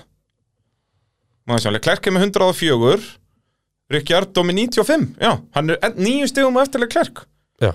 En það er náttúrulega ein, það er 25 stöf hann hjá Rikjard og sko Já. Þannig að, að, já Uh, helviti áhugavert, erlega klærk komið með nýju vélina sem að ferrar verið með á næsta tímabili þetta Hvernig fannst er ykkur svo líta út? óljóst Já, en þetta er samt, gefur okkur gott hint já, að hybridkerfið Það er, eh, ef ég væri ferrar í aðdáandi allavega í dag mi- væri ég með áhyggjur, en við þurfum að sjá hvernig það þróast þegar þetta var líka komið bílinn á Sainz og, og akkurat, svona, en þetta leit ekki vel út núna já Það er bara svo leiðis. Jóhann Gilvi spyr uh, mun ferrarinn á að taka þriðasætti í stegunum fyrir lokkeppnistíðanbils. Ég var nefnilega búinn að spá þessu og ég, svona eftir að hafa séðlega klerk núna er ég ekkert svo viss. Líka maklan þegar bara Norris og Ricciardo eru svo orðnið svo solid. Sko. Þú veist, núna myndi ég alveg trúa því að Ricciardo síðan fara að enda í stegasætti í öllum keppnum sem eftir er. Þú veist, hann er ekki, það er því lélugur árangur hjá hann að enda tíundi eða níundi, skiluru, þegar það var í byrjun tíumbils var hann yfirleitt svo 14. 13. Já. Þannig að hann er komin upp það level, þú veist, venjulegur árangur hjá hann væri svona sjöunda, sjötta Mhm. Svona sjöunda kannski, já Ef að Norris væri finn, í sinu venjulega fintasæti En núna getur við bara verið að fara að sjá hann klára einum fyrir aftan eða tveim fyrir aftan sko. þú veist, þannig að þetta verður alltaf svo solid stegasöfnum hjá McLaren Að þó að ferraribílum verði hraðari Þá eru þeir að berjast um bara þarna Já, veist, Ef fintasæti þeir í eru með- besta ef þeir eru lagi með eitt bíl í topp 5 og einn í, segjan þar bara stuttu fyrir aftan þá eru alltaf í solid stigastund Þannig að, að þú veist, Ég- einmitt, ég held Nor að lítur- Norris fjóruði 50 Ricardo og þó að 50 Leclerc 70 síðan þú veist. áskilur þriðasæti Já. Þá er það samt ekki nóg sko. Nei, og ferri eru líka bara eitthvað svo choppy Þeir eru stundum geggjaðir og stundum ekki Já, sko. meðan að McLaren eru miklu steady sko, en miklu er ekki meira steady. Sainz komin upp fyrir núna Jú, jú, Sainz er, þeir skiptu, núna Já. er Sainz í sjötta seti og 8,5 Leclerc stíð sjöndi. undan og bara í topp málum Carlos Sainz Já, bara við höfum oft talað um þetta, hvað þetta var geggjað múf hjá Ferrari að- að ná honum af McLaren líka, skilur. Já. Það er bara, það var algjört snildar múf. einmitt. hvar var Leclerc fyrir rigninguna hann var, hann var í stigastund, Hann var áttundi. ofalega. Nú, já, var hann bara áttundi. Hann náttúrulega ræsir hann aftalega og... Ég fór- sé hérna Dænir Rutt spyrir hérna af hverju tókur ekki Leclerc inn líka þegar fór að rigna Ég held að það hafi líka bara Ég er ekki búin að hlusta á það sjálfur Nei, ég var að reyna að hlusta á það áðan en það var svo sem lítið að segja Þú veist, þetta er bara Er ekki sami ákvæmt að segja fulltrúan, þetta bara Já, en er ekki líka bara þar spurningunum að splitta strategiðin bara, þú veist, þarna Tökum sjenn sem tókur annan og, og hinn sjenn sem er hinn Leclerc skilur tekur sjensin bara í öfu og átt með við verðstappen Þeir voru í svipari stöðu þarna, bara 7. og 8. seti Einmitt. og Leclerc tekur síðan sinna að vera þurft bara eins og Norris gerði skilur þetta eru sumi mistök sem við gerði allir þú veist Fettel lendi í því sama og fleiri og fleiri þú veist bara Einmitt. sem að tóku hennan aukar hring og fyrir vikið duttu þeir alveg svakalegni í listan Farum okkur þá yfir í Alpín uh, Þú varst nú að segja okkur aðan og þú var að horfa á venlegt fólk já er Nei, ekki venlegt fólk eh, nei Jú, hvað hva heitir þetta kurtist fólk heitir kurteist þetta fólk ekki á venjulegt fólk Viaplay dásamleg kvikmynd Já, ég fylgði En það Og það- við vorum að tala um að uh, formúlútsendingar fyrir keppni hefjast núna alltaf hálftíma fyrir ræsingu það er bara eh, skella sér á Viaplay Já, svo er 100%. mestaradeltinn maður í, í, í kvöld Já, Húi. þetta er alvöru um, Alpín já Ef við Það að er- ræða Fernando Alonso í fyrstu byggja Sú, heyrðu þetta var enda stór snjált hjá honum Á ég að segja hvað er steiktast við þetta Hvað? Hann er bara búin að æfa þetta já hann tók þetta eh, Og málið það Fyrirfram. í Austuríki þá gerðu svo margir þetta í fyrstu byggju Mhm. og hann kólaði það og sagði bara, þú veist, á ekkert að gera yfir þessu og eftir kjæða sann, ég meina, ég verð þá bara að fara að gera þetta líka og það er bara Alonso Mhm. Já. og hann gerði þetta, og hann fekk ekki einu sinni Nei, nei, Á- þú og veist, það hann var var ekki einu sinni bóttið áminntur. búin, að- búin að ræða þetta bara á keppendum og allt bara megu við sérst á fyrsta hring ef maður fyrir óvart þarna, hefur pottit orðað það þannig Já. ef við fyrir óvart þarna að að fáum við enga refsingu þó að við græðum sendi og þá er greinlegt bara verið nei það, þú veist, út af þá hafa keppnisaldar verið búið ákveða þetta er svo þröng, þrenging Já. að þeirra Það er alltaf viðurstekir í fyrsta beða, sko Já, já, en Alonso græðt á þessu Já, helling Græð, já, allan að tvö sæti, hann náttúrulega tapar strax einu, jafnvel tveimur sætum út að hann kemur svo hægt út í þriði beigju, skilur En Nei, þegar- hann grættast því, hann var búin að falla Já, já, aftur já. í startinu, sko Já, ég segi það, hann græðir á þessu en hann græðir ekki, skilur, Það þegar er hann ekki kemur nett- út á það er ekki brautina nett gain Já, Nei, nei, sem sagt, þegar hann kemur út á brautina þá er hann búin að græða, skilur, fjögur sæti með hvar hann kom inn í fyrstu beigju en síðan tapar hann einu eða tveimur já og út svo að kemur var hann hægt líka í búin að þriðju. hann var búin að falla Já, aftur já, í startinu ég segi sko. það, það er ekki nett En ég gain. minna, þú veist, hann Alpín með, græðir á með báða bíla í lokaluta tímatakana og Alonso bara búin að vera geggjaður í uh,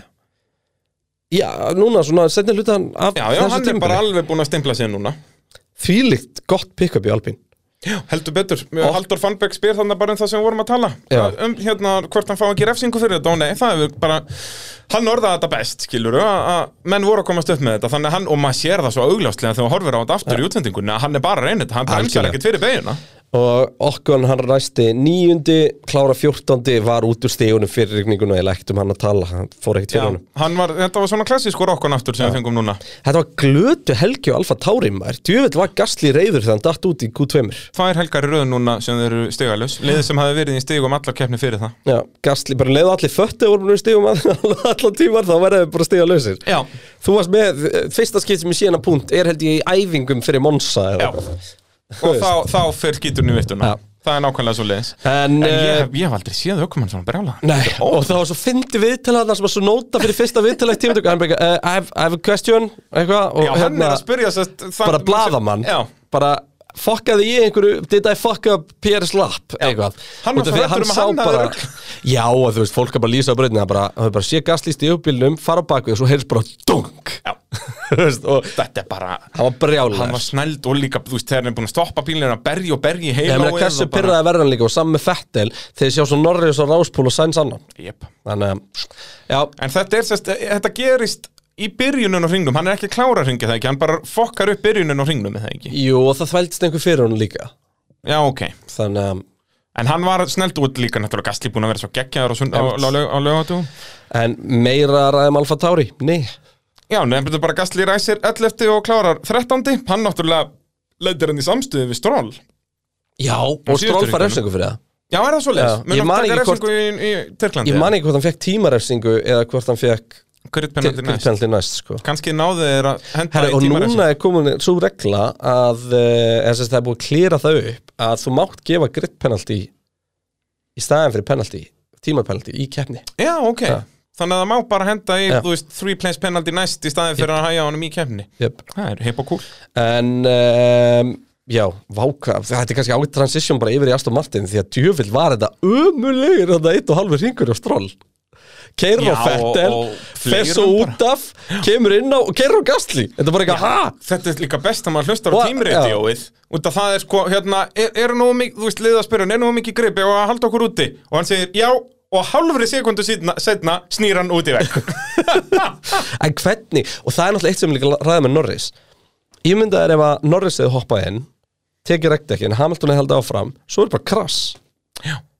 Það er bara öryggsbíl og kemni búin Jep Já, þú varst að tala um þetta í útsendingunni, bara það sem Norris vantar núna er bara krans. Já. Þú veist, þegar að Hamilton var komin hann bara 8 sekundum á eftir eða Akkurat. eitthvað, að þá var bara ljóst okki, Norris verður að koma inn, hann myndi þetta helling miður, nú þarf bara einhverja, nú þarf bara öryggisbíl til að bjarga Það bara keppni á hendar Norris. Ricardo út í vegg eitthvað staðar. Já, já, þeir eru þetta að henda eins og leiðis, bara eins og, eins og Runo gerði hér í Singapúr Já, bara uh, turn 8 is flat now, og svo bara BOOM, einmitt ekki flókið mál. um, En Aston Martin stegar laus út úr helginni Fettil hann þetta að er svo dettur út dýrt fyrir hann, sko. 11 eða sem sagt, fyrst til að dett út í tímatökum Ræsir samt tíundi eh, Stroll ógeðslega sigur í fúll. tímatökum. Já, stról og segur í tímatökum En, En líka- Fettil lendi líka um því ykkur svona hringurinn að skemmtist og eitthvað Út af Fettel nefnilega var búin að vera hraðar, hann sko í æfingum og Q1 og Q2, eða nei, Q1, já. Mér finnst eiginlega pyrrandi hvað Fettil er að sagt sem er mikið frá stról Það er ómikið Já. bara að pappans er að borga mér Já, og sérstu út að nú er þetta tværkeppni í röð sem Stroll hefur klest á hann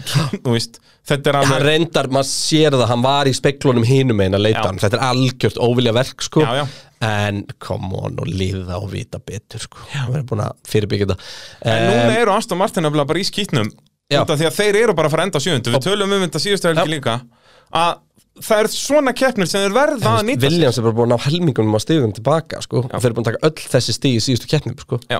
þetta er bara að gera slu búið þar sko, Nei, nei, en sérst núna eru þeir komnir sko, hva, hva, 25 stigum á eftir Alfa Tauri Já. Og þó að Alfa Tauri hafi ekki fengið stig í síðustu tveimur keppnum sko. já, Þú veist, Þetta er allt of blóðut hvernig þeir eru að kasta þessu frá sér Út af þeir eru er yfirleitt í fitni stöðu sko. já algjörlega Og nú gerðu þeir ma- bara maður akkurat- heldur alltaf í byrjun helgar að þetta sé að fara að vera góð helgi það Já, algjörlega, þú veist, ég er oft með Fettel bara í, í top 6, top 7 í spátumskefni, sko Þannig að, já, d- þetta er bara, þetta er skellur út af því að núna er bílinn farin að virka ágætlega, þú veist, þeir, hraðarlega séð eru þeir alveg þarna með, þú veist, Alpín og eitthvað, nema Alpín eru, þú veist, í fymta sæti með mjög gott foskot á Alfa Tauri og Alfa Tauri eru svo með mjög gott foskot á, á, foskot á Aston Martin Akkurat, Og þetta náttúrulega skiptir svo miklu máli fyrir næsta ár, sérstaklega núna með kostkappið, að það sé, sérst, ö- hvert sæti skiptir máli í kefni bílasmiða, Jep. yep. peningalega séð. já, jú, já Já, já. minnamálið, Já, minna máli svona neðarlega, þú ert neðarlega, en, en, en jú, jú, svona almennt er þetta, þetta er náttúrulega sponsorar og svo lýst skipta meira máli. kostkapi stækkar ekkert út af að fá meiri pinning frá formúlu Nei, nei, það er nákvæmlega. um, Já, hvað erum við þá að uh, tala um næst? Já, ég mæli nú með fyrir fólk að skella sér inn á vinahópur.olis.is. Já, og skrá sig fyrir líkli í hópnum Peturinn. Hver Það er- þarf að vera í vinahópin? Norris og Sigrar, Já. Hver, hver, hver er þessi sigurar sem þarf að fara Gastli í og hópinn? Heili- Heiloið Já, það er gott sjátt. Um, eða bara sko að láta þessi servislið öll fara í, í bara byrja í verkværisölinu og skella sér svo í ólís Já, getur fengið sér góðan börn og grilsið þess að segja eitthvað Ég Já, nákvæmlega, þetta var þá rétt eru þeir hjá. endur nærðir og flottir sko Williams, uh, Russell þriðji í tímatökum magnaður, tíundi í keppninni og var bara lestastjórið þarna framan af, stóð sér bara vel í því Latifi átjóndi kláraði ekki keppnina, uh, ég veit ekkert af hverju hann hætti, hann bara hætti allt í hennu Já, með sex ringi eftir Það og var við ekki erum bara þegar hugmynd að af hverju. rigningin kom þá bara, heyrðu, hvað er bara inn, kallum minn Nei, þetta hefur eitthvað verið eitthvað, eitthvað bilir í Já. Ég er nú meira að segja nefnt ekki að pæli því núna meira Ég að segja bara undirbúið mig gleymdi, fyrir hennar já. þátt Það, þetta, Ég gleymdi er, því bara. þetta er bara svo ómyrkilegt eitthvað En uh, Russell, sko Já, haukur, við förum bara beint í, í, í spurninguna Átti Russell möguleika að gera betur en P10 með að við að hafa byrjað þriðji eða á ég kannski bara aðeins að slaka á kveikja eins íkó og fagna þessu stíi með stæl Þetta er greinlega Williams maður grjótarður Já, Russell var náttúrulega dottin út úr stíðunum fyrir rigninguna, þannig að ég myndi Já. að segja að þetta sé nú bara, þú veist bílinn er bara ekki með keppnisraðan Nei, ég, sko, ef ég Greinilega- var hann er greinilega ekki jafn glataður og maður er búin að vera að halda alltaf sko. Nei, nei, ef ég verið haukur myndi ég sko ekki nóg með að ég myndi fyrir upp í einni síng og ég myndi nú bara eh, fá mér eitt fellvolkan mjög þú líka Já, Þetta því að þetta er bara svona lit stig og náttúrulega hann hefur enga veginn keppnisræðan til að hanga þriðja alla keppnina Nei, nei, nei, nei. En hann byrjaði mjög vel, hann ke- var það þarna sagði þriðji þetta markmið hans væri pallur sko Já, já. En það eiginlega fokkar í honum hvað þetta undercut dót þetta gerir snemma og hann eldir raunuru Þannig að, já, Þá var hann komin ón í dekk og eitthvað, já, já Akkurat. En, en hann rauninni hafði ekki keppnastræðan sko, en bara Hef, hann er Hefði top 6 verið möguleiki? Nei, nei, raunin ekki sko. ég held ekki svona, jú, topp 8 hefði verið möguleiki Já. en, þú veist, hann náði, það bara f- kom ekki upp í hendurnar á honum, sko Já. en, þú veist, það sem ég finnst áhugaðvert út af Russell, hann er geggja góður í tímatökum Mhm. eins og hann er búin að sína ár eftir ár núna hvernig verður þetta næstfæri? út af ég held að hann Milli minn Hamilton og- átkvalifæja og ég, Russell. ég held að hann minn átkvalifæja Hamilton yfir tímabilið, sko. Ég held að verið 50-50 Við slum ekki taka það að Hamilton og hann er gjörsamlega bílaður tímatökum það verður, þetta verður bara svo áhugavert að sjá einmitt Algjörlega. þetta, sko, eins og bara Algjörlega. ef að Hamilton vinnur hann í tímatökum yfir tímabilið, þó að verði bara skiluru 15 á móti 10 eða eitthvað En þú veist, gefum okkur bara ef að, ef að Mercedes sem verið 5% betra heldur en Red Bullin í tímatökum næsta ári sem dæmi, þá verður bara Mercedes 1-2 Mhm. Já. í tímatökum Það er nákvæmlega svo leiðis Þegar þú veist, Þó að það væri alveg svipa þannig núna út að botta sér líka alveg fítin tímatökum sko. já en þú veist, Russell er bara frábær í tímatökum Já. Það munur Já, við höldum það Já, en svo Kannski erum við Latifi bara gladaður og Williamson er bara frábær á löðum frá Og Kubika glandaði líka Já. uh, Já, spurning með að og hérna, Jack Aitken og Jack Aitken Þessi einu keppni uh, En hérna, já, þetta er bara svona áhugaverð pæling með, Já. Út af því að ef að Russell verður konsistentli að vinna Hamilton í tímatökum Þá náttúrulega mun Hamilton alltaf þurfa að taka fram úr Já. En að byrjun keppni tímabils Þá náttúrulega verður Russell Russell hleypir húnum ekkert fram úr Nei, nei. Það er bara ef Hamilton verður komið með eitthvað líti í, í mótinu þú veist. Ekki fara að gera mig peppaða fyrir næsta tímabili strax Nei, mér að Sorry klára með mig. þetta Sorry með mig, já það er nóg eftir að klára maður, hafði engar ágjör af því Alfa Romeo, Kimi Alfa komin Romeo. aftur og bara fagna því með stíi Pá, Ekki bara stíi, áttunda sæti. þremur stíum Já, já, hann, það, hann rúmlega tvöfaldaði stegafjölda liðsins Þeir voru með þrjú og eru núna með sjö Einmitt uh, Kimi ræsti 13. klárar 8. og Antonio Giovinazzi ræsti 17. klárar 16. Kimi var bara aftalega sann, fyrir rigninguna Hann bara er einn af þeim sem tekur kallir rétt og, og En hann vinnur vann sér samt upp helling á fyrstu ringjum, mæstu Hann var alveg komin Já. upp í nýjunda eða Hann var eitthvað samt bara annað. 15. fyrir Já, rigninguna ég segi það, hann var, eftir pitstoppin var hann búin að undan náttúrulega alfa rómi og hrikalegur í, Einmitt. í keppnum 63 En um, fyrir úr 15 upp í 8, er það ekki eiginlega bara stærsta stökki hjá nokkru manni í rigningunni? eða? Fyrir utan Vestamenn kannski Eh, Maður svo rækuna fyrir upp um Verstappen. 6 sæti Nei, Bottas voru upp um 9 Já, góðan að blessa þann daginn Já, hann Bottas var náttúrulega 14 Shit, hvað hann var lélugur Við rættum ekkert Bottas og það Nei, hann er svo ómerkilegur hérna, en uh, sko já, með Alfa bara, þú veist, velgjart Kimi já, uh, áhugavert þess að þetta var sennilega ekki keppnin sem þú vildi lendi í saman Giovanazzi lendi í að vera án talstöðar á þessum keppnin, hún datt vist bara út á fyrsta hring Já, já, það var alla keppnin ekki með talstöð Pældi í þessum síðustu ringjum að, Þú bara verður að koma inn svona þegar þú vilt Og vonast til að eitthvað sem komið dekk já, en líklegast, neða, það er náttúrulega þarna pit confirm dæmið á stýrinu, Já. þannig að þá væntalega fær hann skilabóð confirmar hann sé að koma inn eða þú getur einhvern veginn ítt á pit confirm og sagt hann sé að koma inn, sko, ég Já, veit það já, þú getur alltaf, það er svo sem alveg góðu punktur Haas, Mick Schumacher, ræsir 14. Dettur úr leik, Nikita Masabin ræsir 15. Klár 18. Nei, ef við tala eitthvað um Haas Nei Nei, við erum ekki búin að eða hann alveg nógu miklum tíma í hans Já. Það er Eina nákvæmlega sem svo var ógeðslega skemmtilegt með Haas var mýmið þannig með að þegar Gunther Steiner átti að vera kvart yfir því að það væri ekki frétt að þeir varu síðastir en væri frétt að Verstappen varu síðastir á rastlinu Já, og líka hitt mýmið með að sko, heyrðu með allar þessar vélaræfsingar, ef við verðum hérna áfram á morgun þá, þá verðum við sennilega á ráspól Já Herri, hvað sér, ertu búin að fara í spátumskefnina? Spátumskeppn, núna er þetta orðið spennandi út að við erum byrjað að spá í topp 8 þá er þetta ekki alltaf sama helviti spáin Ja. sem að er líki ladrið þannig að meðan ég er að ætla að tellja upp öll páin þá ætlar þú út að ég er búin að spá fyrir um næstu keppni þá uh, ætlar, uh, ætlar þú að spá fyrir um það en við vorum báður með Hamilton í fyrsta sendi það er pá, pá síðan varst þú með Bottas í öðru sendi það eru mínus þrýr, Verstappen í þriðja mínus einn það er svo magna út að við spáðum þessu löngu, þú veist, bara fyrir, eftir síðustu keppni þegar við vissum ekki um neitt af þessum vélarefsingum og samt var þetta bara nokkurn veginn on point Verstappen, já, þriði, það er mínus einn eh, svo ertum Peres í fjórða, mínus fimm á það Norris í sínu klassiska fintasæti, hann eh, endaði sjöundi, þannig að mínus tvö svo ertum með Klerk, það eru mínus níu Svo ertu með Gastli í sjöunda, það eru mínus 6 Það er vitt Það er erfitt. Uh, Rikki Ardó ertu með uh, í áttundasæti og það eru mínus fjögur þar sem hann endaði fyrir ofan áttundasætið. Já. Ég er með Hamilton fyrstan, pá, Verstappen annan, pá, Bottas þriðja, mínus tvö. Svo erum við með Peres og Norris á sömu stöðum, þannig að mínus fimm og eh, mínus tvö. Svo erum við með Gastli í uh, sjötta, það eru mínus sjö á hann. Eh, Leclerc þar fyrir aftan mínus 8 og svo erum við Fettel í 8. seti og það er svo magna sko að 8. setin hjá okkur geti ekki verið meira mismunandi ég er með Fettel og þú með Ricciardo en við fáum báður mínus 4 út að Fettel var bara 4 setum fyrir neðan og Ricciardo var 4 setum fyrir ofan þannig að ég enda á að græða 2 stig á því Christian, Hlað mikið með það þakka þér, ég er með 28 og þú 30 þannig að núna er beilað aftur komið í 10 stig með aðeins 6 keppnir eftir eða 7 eða hvað þær eru nú margar Já, Uh, ég sé að þú ætlar að spá Verstappen uh, Sigur og Hamilton öðru já, Þá ætla ég að svissa mínu ef ég má Má Já. ég það? Þakka þér Ég ætla að hafa þá Hamilton fyrstan og Verstappen annan En ég var búinn að skrifa Verstappen Hamilton sko.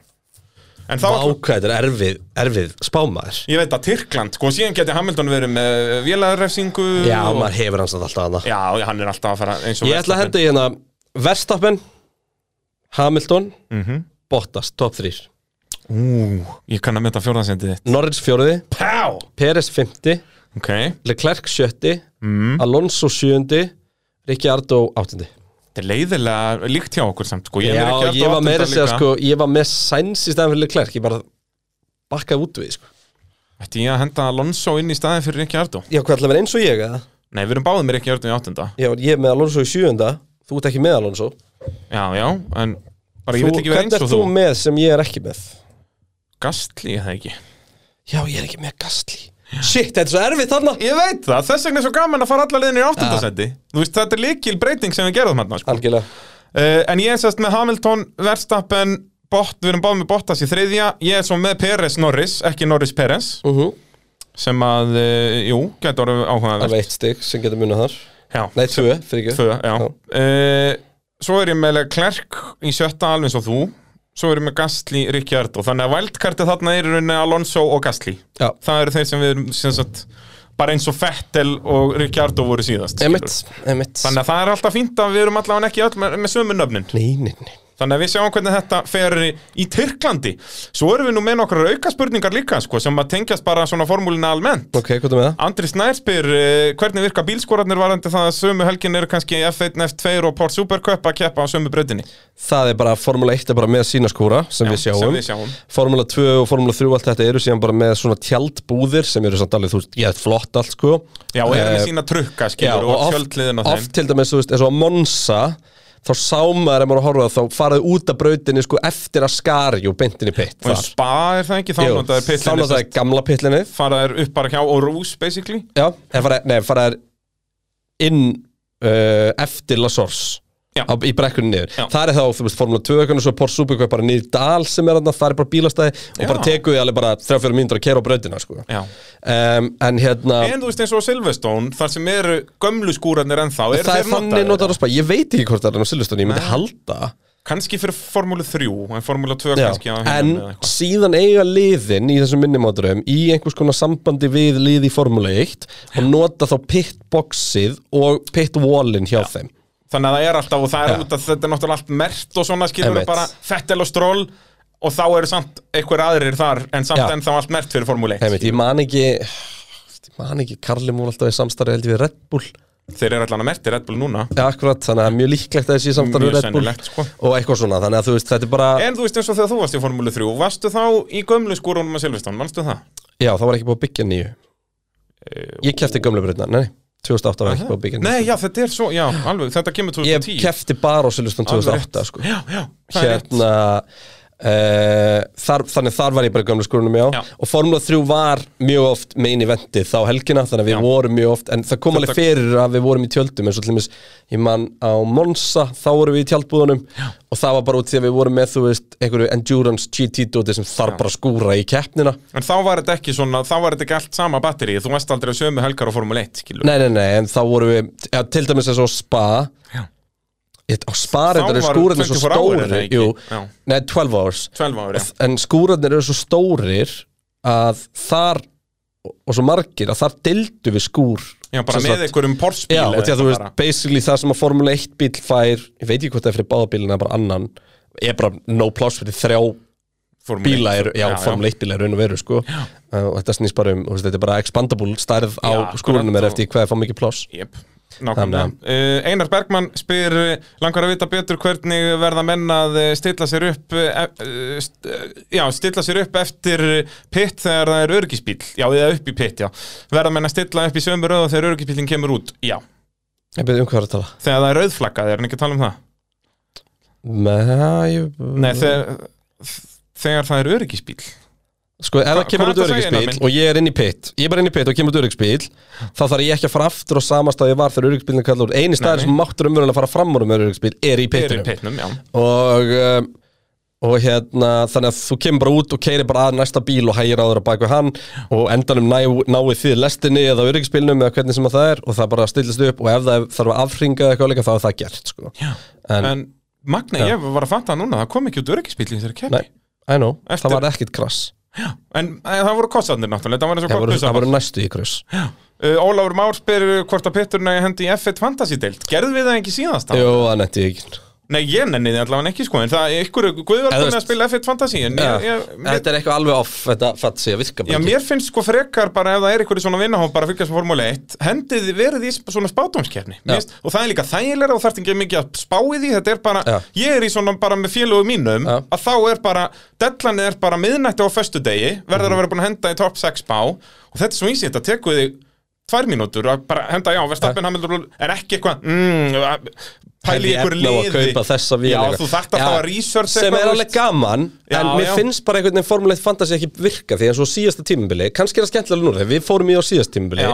en þá var þetta bara, þú veist, ok, hvað þú veist, Hamilton, Mercedes motor eða, Mhm. hérna, eða Mercedes bíl hvað af þessu netta mér mestum stigum saman, Já. þú veist en núna er þetta kannski meira breytilegt og getur verið en þú veist, þetta á ekki breyki til dæmis bara fótbaltafantasi Nei, nei, skilur nei. þú veist, það er eitthvað neður formulegt hendur bara ekki að vel í þetta sko En erum við þá ekki bara að pakka? Bara Ég held takk það. yndislega fólk enn og aftur fyrir að fylgja okkur í pittinum Við erum Já. ennþá að skoða fyrir veturinn sem við talum með Patreonu og það og hérna, við ætlum að fara að senda út hlustendakönnun líka Já. Kemur að því, og kemur að, eftir maður núna að brála um, uh, ein pæling, Já. ef ég ætla að henda í, í þygt söguhotn í næstu viku Já. ef ég ætla bara að lofa hlustendinu því núna þá verði ég að gera það, en það er ekki mjög þægilegt að Jú, segja bara það er að mjög verði, þægilegt. það verði söguhotn í, í, í næstu viku, þannig að ég þarf bara að ríða mig í gang og skrifa það en þegar þú hendir þessu inn á Facebookið, Pits Facebookið Að beða fólk um að kommenta já, kommenta skilur ok og möguleikarnir eru skilur að ég fari yfir eitthvað tímabil Já, það getur verið 100 sér Hamilton geti verið, ég geti farið yfir feril hjá einhverjum ökumanni Já. Uh, ég gæti farið yfir feril einhvers liðis þú veist, farið Mhm. frá hvernig Tyrrell var það Mercedes og allt þetta skilur Æ, ég held að það væri skemmtilegt já, að taka sögu liðs skilur og taka ennstón liðið Sérst- eh, einmitt. þú veist, eitthvað svona uh, ég geti, já, saga einhvers ökumanns Já. saga einhver tímabil skilur 86 sísonið eða 2009 sísonið eða 2012 sísonið eða hvað það er saga einhver ökumanns, Mhm. En hvernig verður bara tímabil, saga, saga liðs Braga Þórðar ég Við var þurfum- ennþá eftir að taka þannig Já, podcast. ætlaði ég ekki alltaf að gera það fyrir Jú, því í að skipta um mótorvarpinu. sæti við þig Já, það er gott að eiga það inni En hérna, já, ég tek það þá í mótavarpinu, ekki, Mhm. ekki hér En, uh, já, er þetta ekki basically svona þrýr möguleikar og þá velja hvað af Jú, þessu? eða sögu einhvers lands í, í mótsporti, sko Það er samt svona söguhóttin bara fyrir kappastururinn Já, kannski, kannski En það En mætti taka það sem heild bæði þó tala um ökumenn og, og fleiri brautir og, og svona Já, svo sem að taka skiluru En þetta er einhvern veginn allt Spá- mixast saman á einhvern nátt sko. Já, já, ég ætla að held að mér við þetta, þessa þrjá hluti Saga ökumann, saga liðs eða saga eins tímabils Og þannig að fólk á að kommenta hvað því finnst áhugaverðast Já, núna og- og- má og- það velja hvaða tímbilja, Já, hvaða eða ökumenn hvað- eða já, eða akkurat, hvaða bara leið komi hugmyndir Já. og svona það sem er vinsalast þar og það sem að mér þykir áhuga að vera slíka ég er náttúrulega mun ignora ykkur öll og bara tala um Jim Clark, minn mann en hérna, Sleið. er það ekki? Jó, ég fíl það Við eh, hendum þessu á Facebookið Takk indislega fyrir að hlusta Munið að followa eða subscriba eða likea eða hvernig sem þið gerir þetta Og bara takk